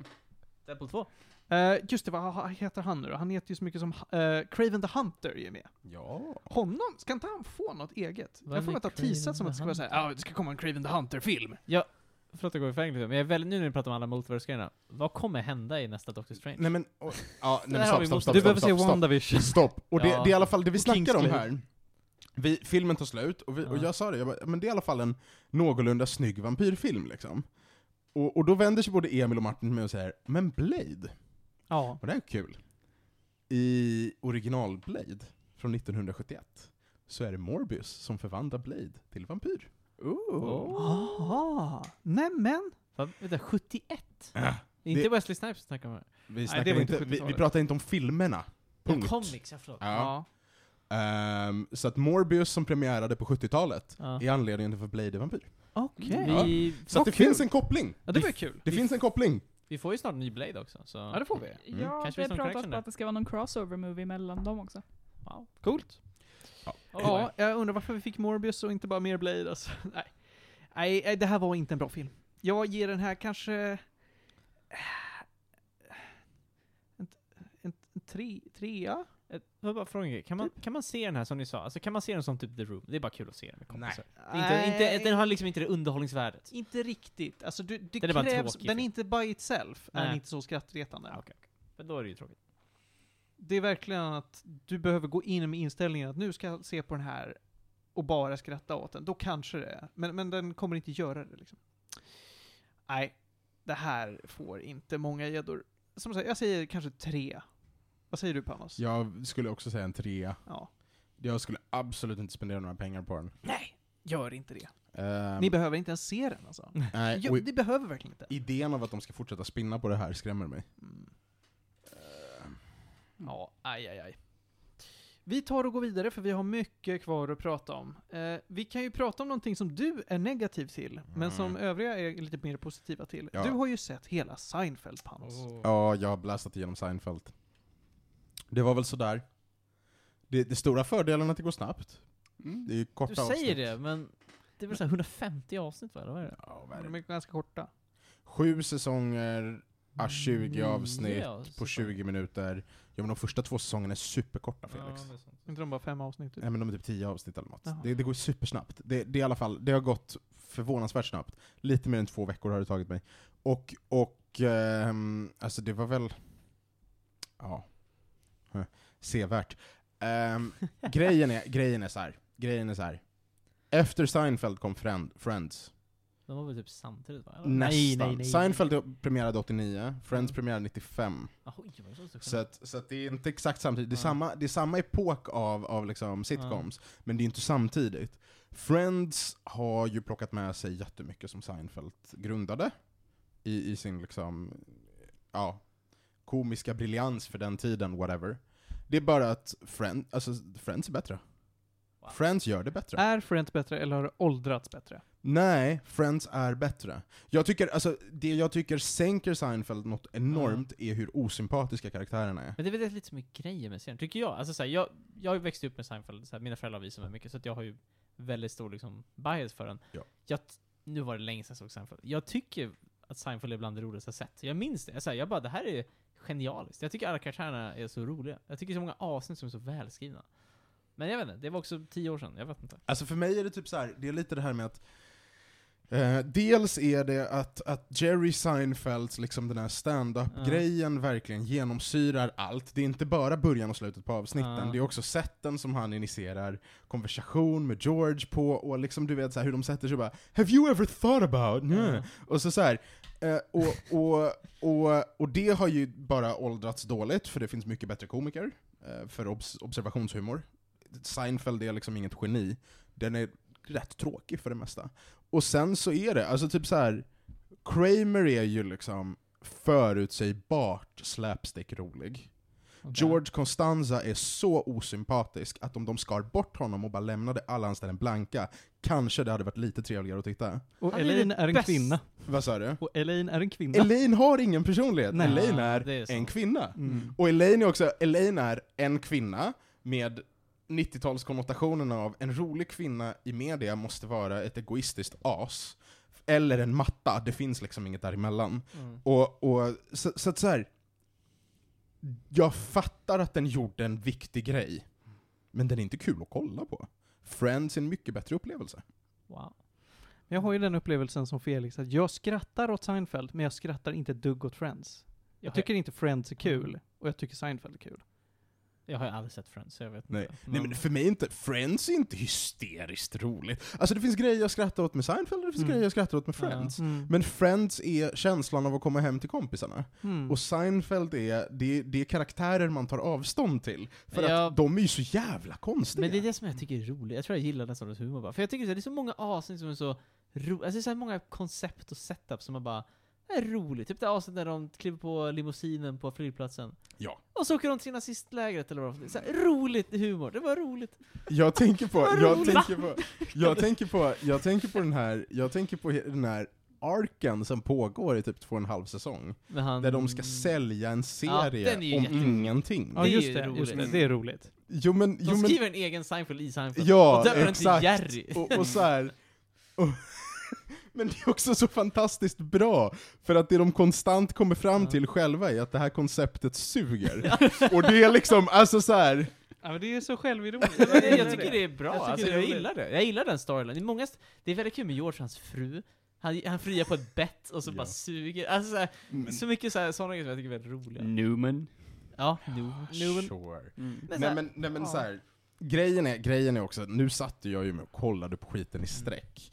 Och grejen är att det Friends gör, där den verkligen bjuder in dig i den här familjeandan, det tål nog sträcktittandet bättre. Ja, det, Seinfeld är ganska mycket. Det är lite som, Always- du har inte sett det, men Always Sunny i Philadelphia är samma. Jag har sett en del Ja, av in dryga karaktärer. Ja, och, och grejen är att Seinfeld kanske funkar bättre med ett avsnitt i veckan.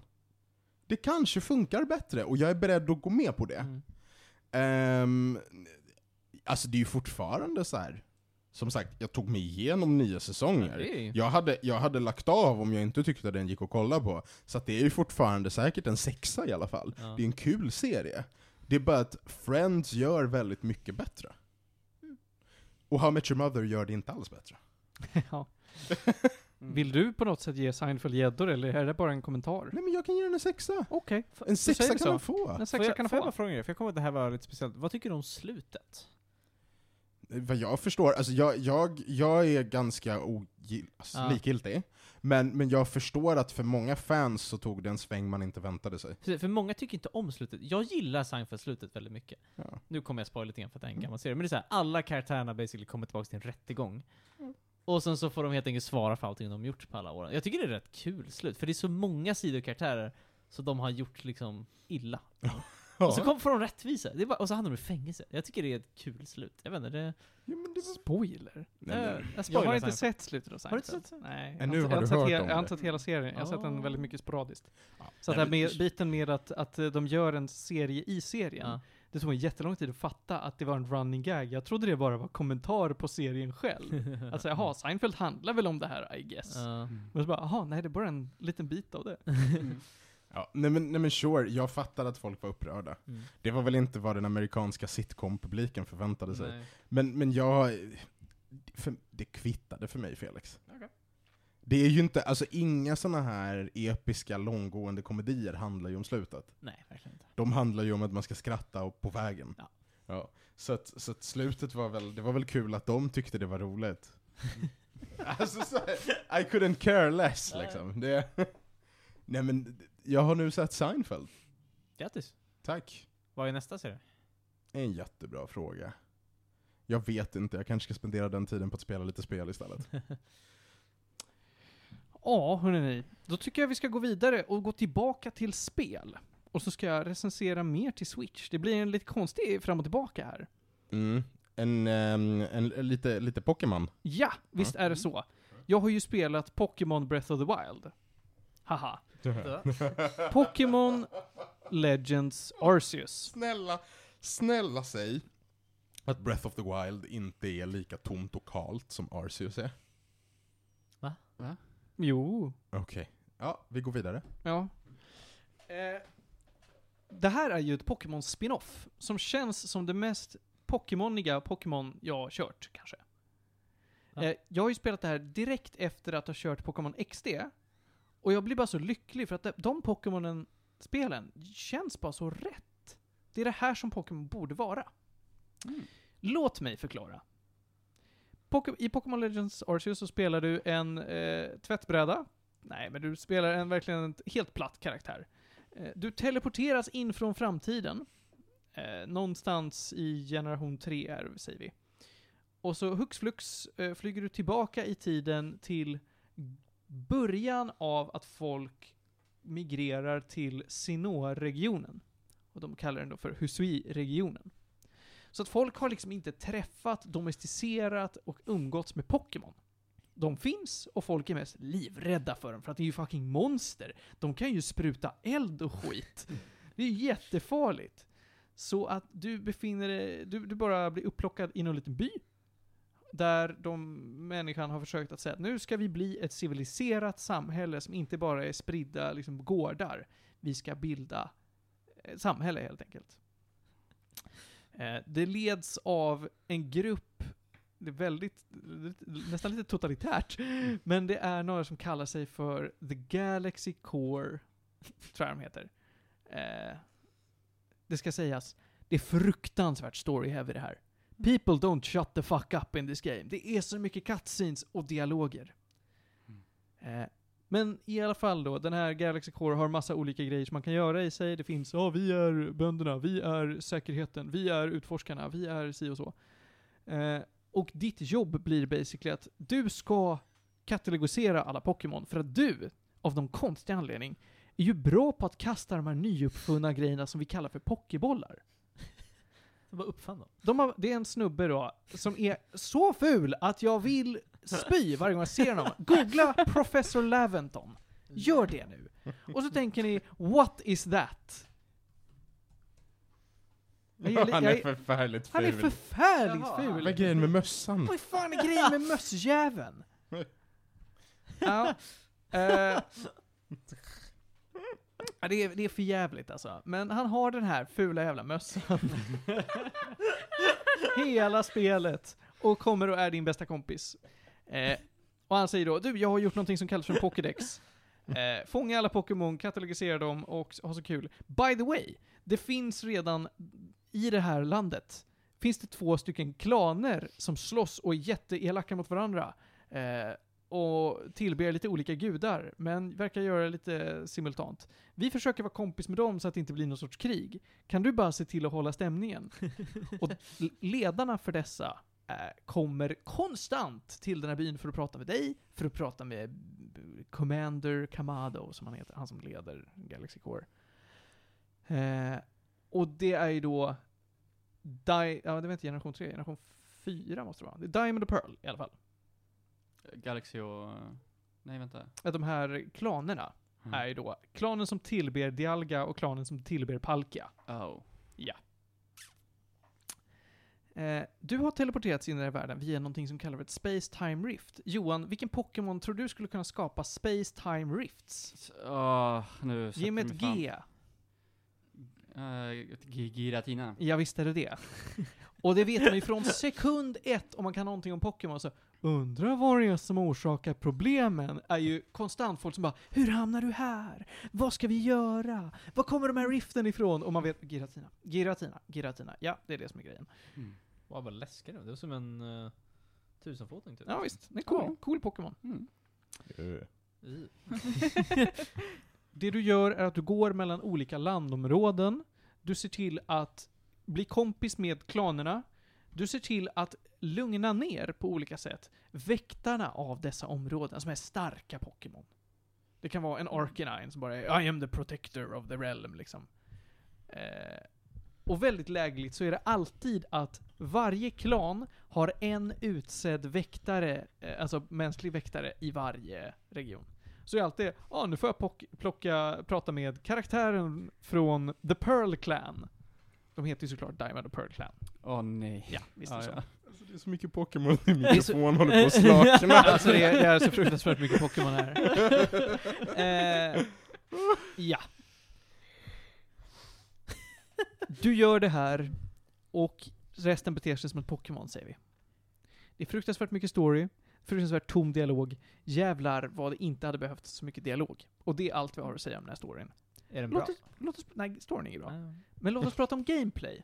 För det är här det blir bra. När folk säger Breath of the Wild Pokémon, då stämmer det. Det är en helt öppen värld, du kan gå vart du vill. Det enda som begränsar dig är såna här, eh, vad heter det? Det enda som begränsar dig är miniskul terräng. nej, nej, inte. jag förstår inte vad du pratar om, miniskyl terräng. det är go- godtycklig lutning på backen och helt plötsligt kan man inte gå upp för den. Ibland blir det så. Det Kan stämmer. man klättra på allting i det här spelet? Ja. Det kan, Kan du göra? Ja! Du kan klättra, du kan flyga, Du kan rida på Pokémon, du kan gräva i marken, du kan eh, Bad. bada kan du göra, du kan simma med en Pokémon. Kan man göra curry?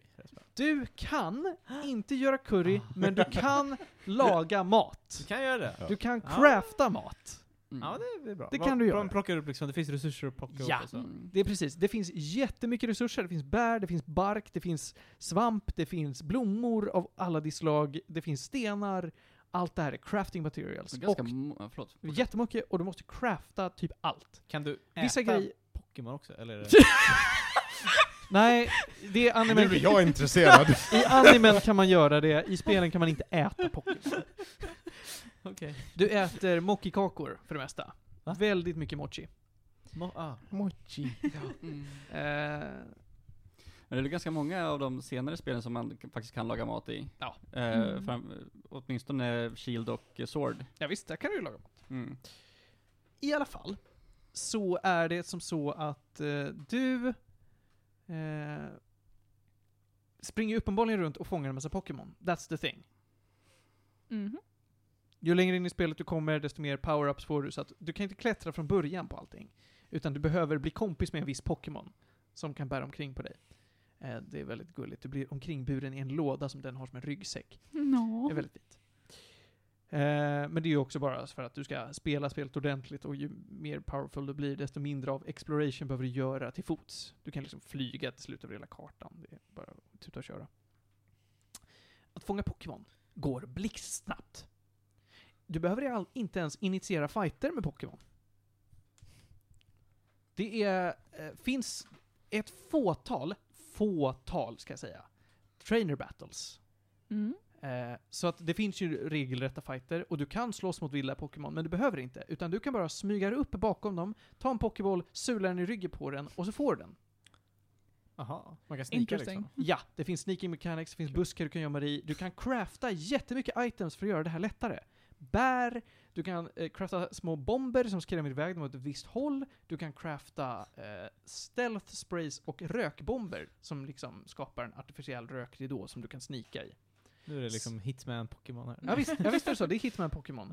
Ja. Pokémon har olika natures. De finns tre olika. Antingen så är de liksom så pass att jag reagerar inte på att det är en människa där. Den kanske är nyfiken på dig. Andra blir rädda och springer iväg om de ser dig, och andra vill slåss om de ser dig. Okej? Det här får ju du ta reda på själv, vilken, hur Pokémon beter sig gentemot dig. Och då lär du dig allt eftersom att, ja okej, ja, men det är så här jag ska handskas med det här. Då undrar ju ni såklart, men om den här världen är så stor och så full av Pokémon, då måste det ju antingen finnas jättemånga Pokémon, eller så bara betar man av allting jättesnabbt, för det går så fort att fånga Pokémon. Ja. Men det är där Pokédexen kommer in.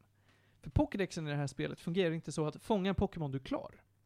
Utan du ska studera Pokémon. Du ska göra saker som att se dem använda vissa moves, besegra dem med vissa moves, fånga x antal utan att bli sedd, eh, fånga dem i, på okonventionella sätt, såsom, ja men hitta en som flyger. Och så bara, det här är inte en flygande Pokémon. Och så måste du hitta någon som, antingen genom ett quest, eller eh, bara, ja, ah, titta här är de i någon spännande miljö där de hoppar från ett berg eller någonting. Och så kan du ta dem i luften. Coolt! Eh, och baserat på då att du studerar mer och mer så levlar deras research level, heter det, upp. Till en max av 10 och när du har gjort det, då är du egentligen färdig av Pokémon. Att göra det här, att studera Pokémon, är nödvändigt för att det är så, det är det som är motsvarigheten till gym badges.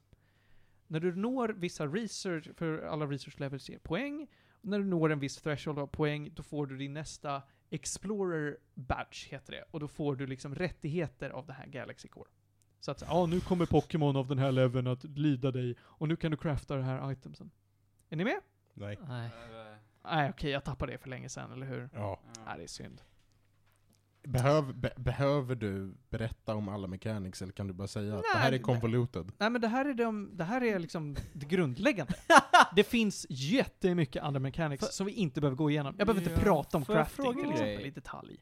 Jag, jag får lite såhär Monster Hunter-vibbar. Inte att du jagar Ja. dödar, men Ja. det, är så här, det är mycket, för det, det, är är också väl, såhär, det är otroligt mycket, mycket, monster, Monster det är så mycket konstiga mechanics, och du ska samla de olika areas och... ja, Är det lite det? Ja, För det spelet handlar ju om att du ska döda de här är mer du ska fånga dem, men... ja, Ja, det okej. är en väldigt väl eh, bra jämförelse. Okej. Det beter sig mycket som en Monster Hunter, för att där är det ju stora zoner du går omkring i. Ja men verkligen, och du hittar nya monster Ja. hela tiden. Ja. Och det är precis så här. Ja, okej. Så jag skulle säga att istället för att säga Breath of the Wild Pokémon, så Monster Hunter Pokémon är en bättre jämförelse, men inte lika eh, bred kanske. Nej. Nej. Så är det. Är det här spelet kul? Absolut. Det är jätteroligt, det är väldigt streamlinat i hur fort det går att fånga allting. Det finns tusen, nej inte tusen ska vi inte säga, oj oj oj. Det finns hundratals roliga sidequests. Det finns hundratals Pokémon. Eh, Det eh, finns massvis med hemligheter att göra och upptäcka. Hur många nya introducerade Pokémon? Jag tror att det ändå är ett 20-tal ungefär. Mm. Och då är det alltså, eh, av dem så är det kanske max 10 som är nya, och resten är, precis som Alola introducerade former av Mm. tidigare kända Pokémon, så är det nu Hisuian forms av gamla Pokémon. Mm. Så att ett exempel är att det finns en Hisuian um, Arcanine Mm. och Growlithe. Det känns som Growlithe har fått en ny form varje gång de har släppt former. Men det har de inte. Nej, det här är första gången de får en ny form. Men det Jaha. känns som att så här, det är en sån som alltid har fått en form av någon anledning. Jag vet inte varför. Men inte Eevee? Uh, Ja, Eevee får not, not, the same. Nej, jag vet. Men jag Ja. förstår. Mm. But Ja. wolf, another wolf. No. Ja. Så är det. Eh, jag har egentligen ingenting mer att prata om vad gäller gameplay eller story. Eh, tycker jag att det här var värt pengarna? Jarrå. Det var jättetrevligt. Hur långt sa du att det tog? Ja, det beror lite på. Du kan speeda igenom det här lite snabbare, men jag, jag tyckte faktiskt att det var trevligt att ta mig tiden att göra massa sidequests under tiden och fånga och utforska världen och research levels och sånt där. Och det ska jag säga bara, innan, innan jag svarar riktigt på frågan, så det här spelet ger ett otroligt incitament att byta ut ditt party hela tiden. Okej. Så att du har, du samlar inte bara på dig de första 10-6 Pokémonen som du hittar och sen fortsätter du grinda ut spelet med dem. Nej, nej, nej, nej, nej, nej. Du kommer konstant byta ut dina Pokémon. För att då öka deras research level. Det är nice. Det är ett bra incitament till att utforska olika Pokémon och movesets och sånt där. Är det här vad Sword och Shield borde ha varit? Ja. Mm. Det tycker jag. Får den känslan. Ja, men det tycker jag verkligen. Det här spelet var kanske då, som svar på din fråga, en eh, 30 timmar. Mm. Kan bli längre. Är det här Pokémon man ska hoppa in i då, om man aldrig spelat det? Det tycker jag. Eh, var dock beredd på att det tar ett jävla bra tag att komma in i, för att det är så mycket story. Och det är så mycket tråkig story. Det är bara ba, ba, ba, ba, ba, ba, ba, ba. masha sig igenom det där ifall man inte bryr sig, för det spelar verkligen ingen roll. Och det är så förutsägbart. Allt. Det är intressant för väldigt många har ändå typ halvt klagat på storyn för att det är, så här, det är väldigt mycket kolonialism och de bara gör Hokkaido igen typ. Mhm. Eh, Visst är det så, men den är ju inget bra. Och jag vill inte ha... Dålig kolonialism! Mm. Till skillnad från den bra kolonialismen som vi alla tycker om. Va? Nej. Eh, det här är good shit. Ta och eh, ifall ni tycker om Pokémon, har ett Switch, det här ska ni spela. Good shit. Jag ger det här kanske en... Jag vet inte om jag skulle säga att det är en åtta alltså. För det är ju också alltid ju relativt Pokémon självt. Men om jag ska säga bara, ja men som spel. Jag säger en sjua. Det är det. Men vad gäller Pokémon så är den uppe och pillar på att det här är det optimala Pokémon. Vi kanske, förutom då storymässigt, så tappar den ju mycket. Kanske en åtta och en halva i Pokémon-världen. Vänta lite nu, så en sjua i vanlig spel är Ja. det optimala Pokémon-spelet? Är det liksom height? Det blir inte Franchise? bättre än så Nej, med det- Pokémon. Det blir en Poké- sjua. Ja, jag tycker att Pokémon kan nog aldrig bli starkare än en åtta. Så Om du ska ge ett betyg på hela franchisen, då är det såhär sju och en halvt. Ja, skulle jag säga. Aj! Men det är väl inte orättvist? Nej. Nej, jag, jag, jag har aldrig, jag har ingen erfarenhet av det Har du sett Digimon? Där har vi grejer alltså, shit. Där står den där alltså. Ja, nej men det är det. Pokémon Legends Arceus finns till Nintendo Switch. Eh, vi ska hoppa vidare. Vi har två ämnen kvar. Hinner vi med båda eller har vi pratat i två timmar? Ja, Panos, du sti- stirrar på mig med en sån här modisk blick. Om du, om du spenderar färre ord på fråga det här så kanske vi hinner med Ja. båda. Ja, vi får se. Ja. Julia. Eh, jag har inte så mycket att säga faktiskt, men jag har lite att säga. Ja. Eh, jag har sett på dokumentär idag, Mm. eh, för att jag behövde ha något bra bakgrundsbrus, och för att jag behövde ha någonting att prata om. Eh, så jag satte på första bästa jag hittade, eh, som råkade bli Abstract, The Art of Design. Mm. Eh, jag kollade upp nu, det visade sig att jag hade satt på säsong två och inte säsong ett som jag trodde. Eh, Men Mhm. jag tror inte det spelar så stor roll utifrån hur eh, den här dokuserien är uppsatt. Så överlag handlar varje avsnitt om en specifik designer, om deras liv, varför de gör det de gör. De får helt enkelt prata i x antal minuter om sin passion. Eh, Det är lite, lite TED Talks. Ja, lite grann. Eh, de Mm. får visa upp liksom sin design, vad de har gjort, vad de vill göra. Eh, Mm. Väldigt mysigt så att bara lyssna på. Eh, jag tittade på typ fem avsnitt Oj. idag. De är inte så långa. Och det var väldigt intressanta karaktärer man fick möta. Så det är så här, någon som bara, ah, men jag liksom så här ville testa att göra lite rolig design. Så jag skapade ett helt rum och försökte få det att se större ut. Och man bara, okej. Det är väldigt excentriska typer. Ja, de är jätteexcentriska Mm. men på så här mysigt sätt. Mm, mm. Eh, som designers brukar vara. Det var någon som säger bara, ah, nej men jag brukar göra så här, art exhibits med silkesmaskar. Och hon är utbildad läkare. För varför inte? Ehm, Jag tycker det är kul, säsong två verkar med Ola för Eliasson. ja, Jag var på Vem hans utställning på Moderna för några år sedan.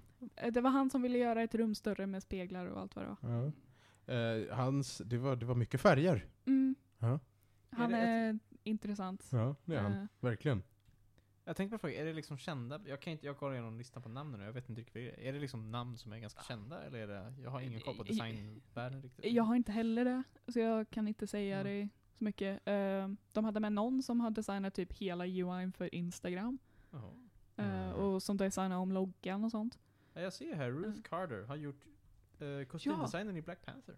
Ja, hon, Mm. hon är intressant. Hon hade jätteintressant liv också. Eh, hon pratar mycket om hur hennes eh, uppväxt har lett till eh, anledningen till varför hon gör sina kostymer som hon gör.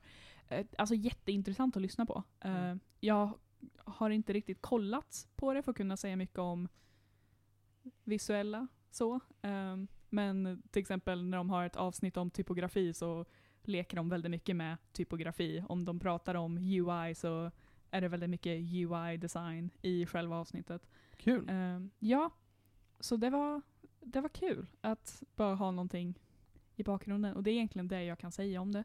Det, det är en dokuserie. så, Det låter, det låter alltså potentiellt bara lite så här wholesome och lite mysigt typ. ja, eh, det är det verkligen. det är inte så mycket mer jag kan Mm. lägga till. Det, är lite som, det låter lite som så typ en naturdokumentär eller någonting. Det är alltid nice. Det är bara mysigt liksom. Ja, Det är han, vad Det heter är inte det? så revolutionerande kanske. Jonathan Höffler som håller på med typografi va? ja, sån typsnittsmänniska. ja, Jag älskar typsnittsmänniskor. de är jätteintressanta. Ja, de är verkligen det. Hela han skrev om hur han försökte bygga ett eget typsnitt ut efter gamla klockor. Ja, det står det. Ja. Eh, jätteintressant. Väldigt excentrisk. Jag kan tänka mig det. det är så här, han jobbar bara med att skapa nya typsnitt liksom typ. Med Ja. 16 pers. Man bara okej. Det här är ett liv. Ja. Men det är också så här, det är också ett liv som antagligen gör väldigt mycket impact på folk. Mm. På ett eller annat sätt. Alltså det är en sån här sjuk grej. Ja. Ja. Det är så väldigt små grejer som ändå kan göra väldigt stor skillnad.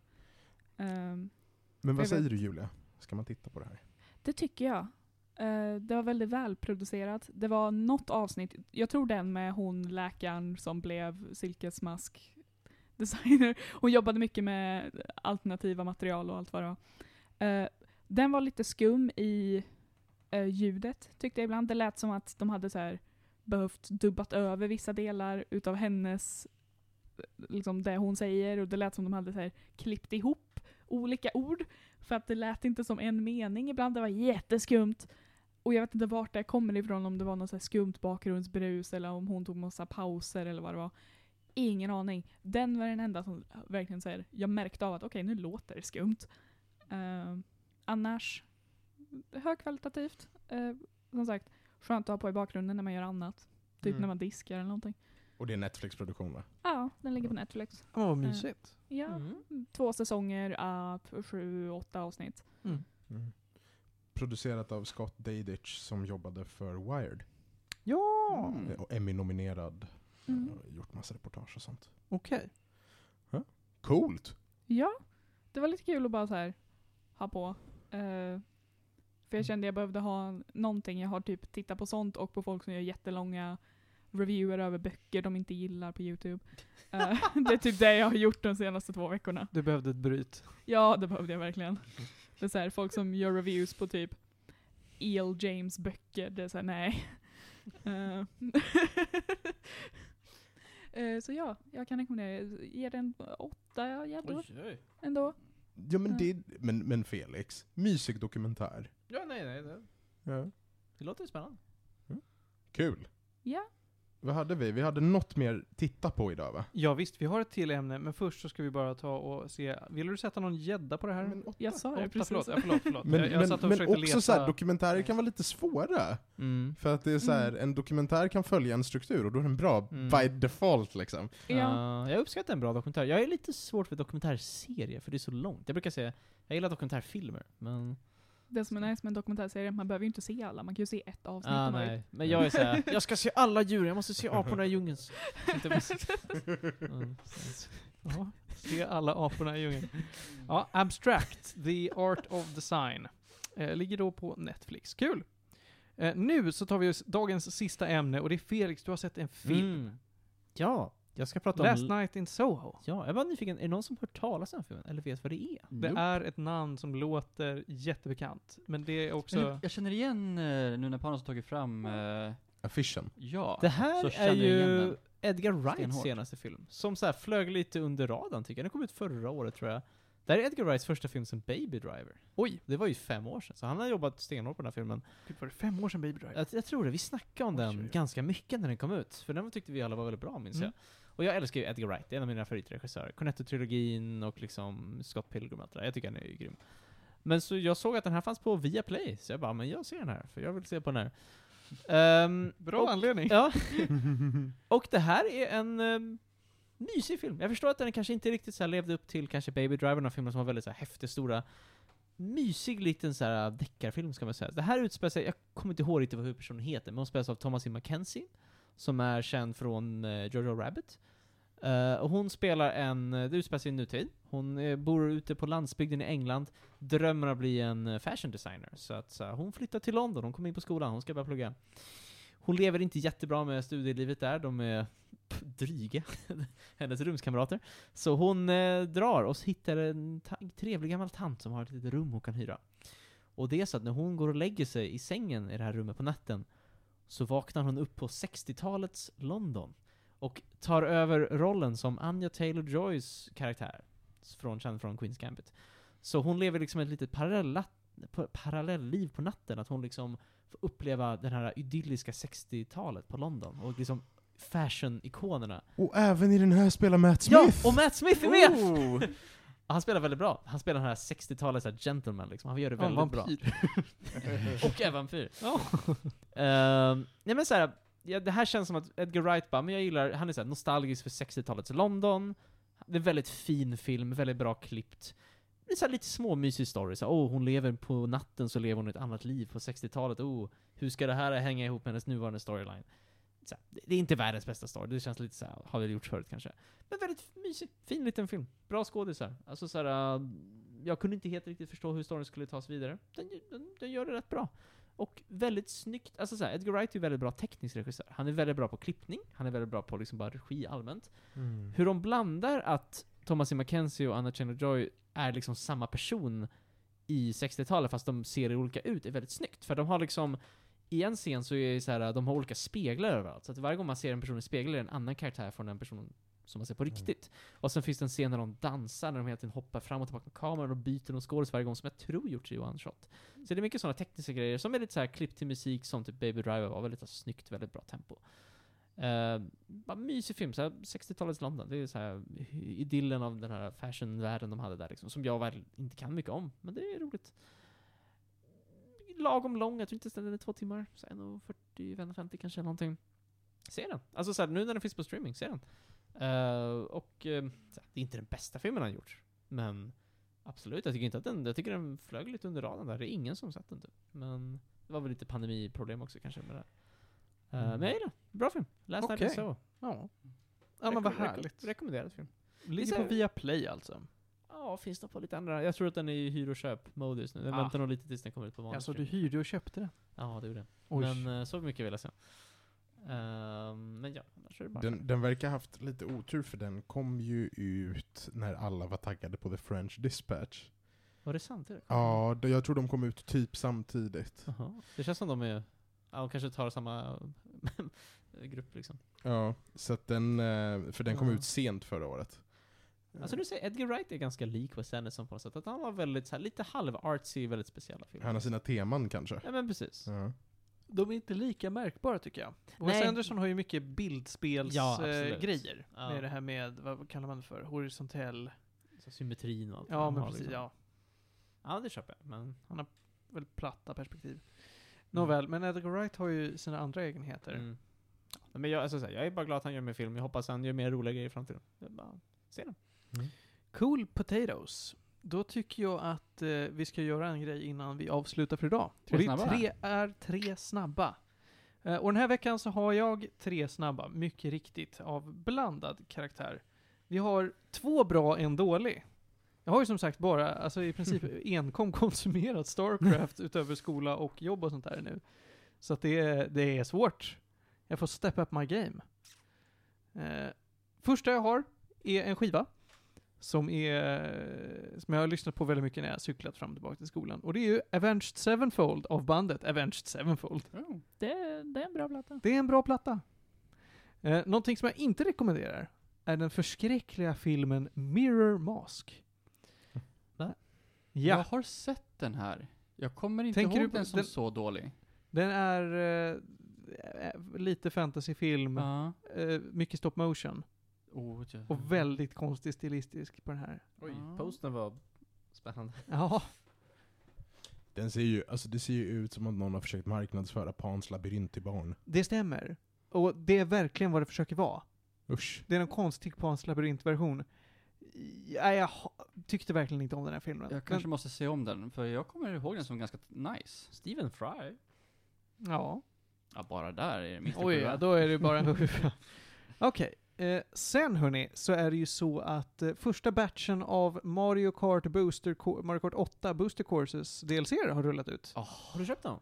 Nej, men jag börjar bli väldigt sugen. Men sen är det ju det här med att jag spelar ju inte multiplayer-spel med någon. Nej. Det är ju, men jag tycker fortfarande att det här är en bra investering. När vi såg det här på Nintendo Ja, Direkt det var. Mm. så var vi ju skeptiska fram tills vi fick Ja. se hur jävla mycket content. Har de släppt Mm. alla banorna eller bara? Nej, det är första batchen nu, är typ åtta banor Ja. eller något. Jag märkte också det, för att jag spelade ju, jag har börjat spela lite Mario Kart igen på jobbet. Ja. För det är ju en grej vi gör där. Och Kul. jag funderat om jag ska skaffa den här, den här, vad heter det, ja, online premium. För då får man väl med den här va? Ja, Ja. jag man tror att det här kan vara kanon till jobbet. Jag tror att det här känns värdefullt. Man får, vad kostar ens premium efter? Jag vet inte. Det kostar nog inte jättemycket. Jo, det gör det. Ja, vad är det? 150 spänn året eller vad det är? men Nej, för- för, premium Eller kostar det vad mer. heter den? Expansion pass? Eller? Är det så? Ja, ja. Kanske mer än Ja, det. det kanske det gör. Ja, vi får se. Jag är säker på. Om man gillar Mario Kart så kommer det här vara eh, nice investering. Alltså det är, du kommer få, vad var det? Det var ju totalt typ 40 banor minst. Ja, det var jättemånga Och banor. skitmycket för inte särskilt mycket pengar. Kostar 50 dollar per år. Ja, förlåt, exakt. 50 dollar. Ja. Mm. Mm.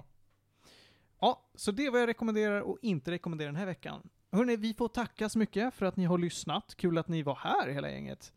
Eh, långt avsnitt, det Mm. visste vi. Ja. Mm. Eh, om man vill höra av sig till oss, då gör man det bäst via sociala medier såsom Facebook eller Instagram. Men du kan även mejla till oss på eh, medisradio.gmail.com. Vi, vi har en linktree med allt relevant Ja. på vår Instagram. Det stämmer. Ehm, och sen ska Felix gå och försvinna bort i sydamerikanska djungeln Mm. I fem veckor. Och då, Sex veckor. sex veckor, förlåt. Mm. Så du blir borta ett tag. Jag, det här kommer att vara min sista avsnitt på ett tag tror jag. Ja. Tillbaka till sommar sen. Vi Ja. behöver diskutera hur vi ska publicera nu. Men framförallt, jag ville säga att då kanske några av oss andra försöker plocka upp det slack lite med att streama då och då. Mm. Ja. Så att det kommer finnas grejer på Medis Radio TV ändå. Det som är grejen dock, att jag kommer ju vara lite i karantän innan jag åker för att vara lite safe. Och Så då du får kommer jag, streama mycket! jag tänkte det, jag kommer ju ha mycket tid och kommer inte ha mycket att göra heller. Så jag kommer streama. Jag ska streama mycket Elden Ring nu alltså. Ja, Så att det kommer bli content. mycket bra. Mm. Då så. Då tackar vi så mycket än en gång. Tack till Julia, Tackar, tackar. och Felix, Tackar, tackar. och Johan, Jo. och Panos. Tack, tack. Och jag är också här. Puss och kram allihopa och nyp i stjärten.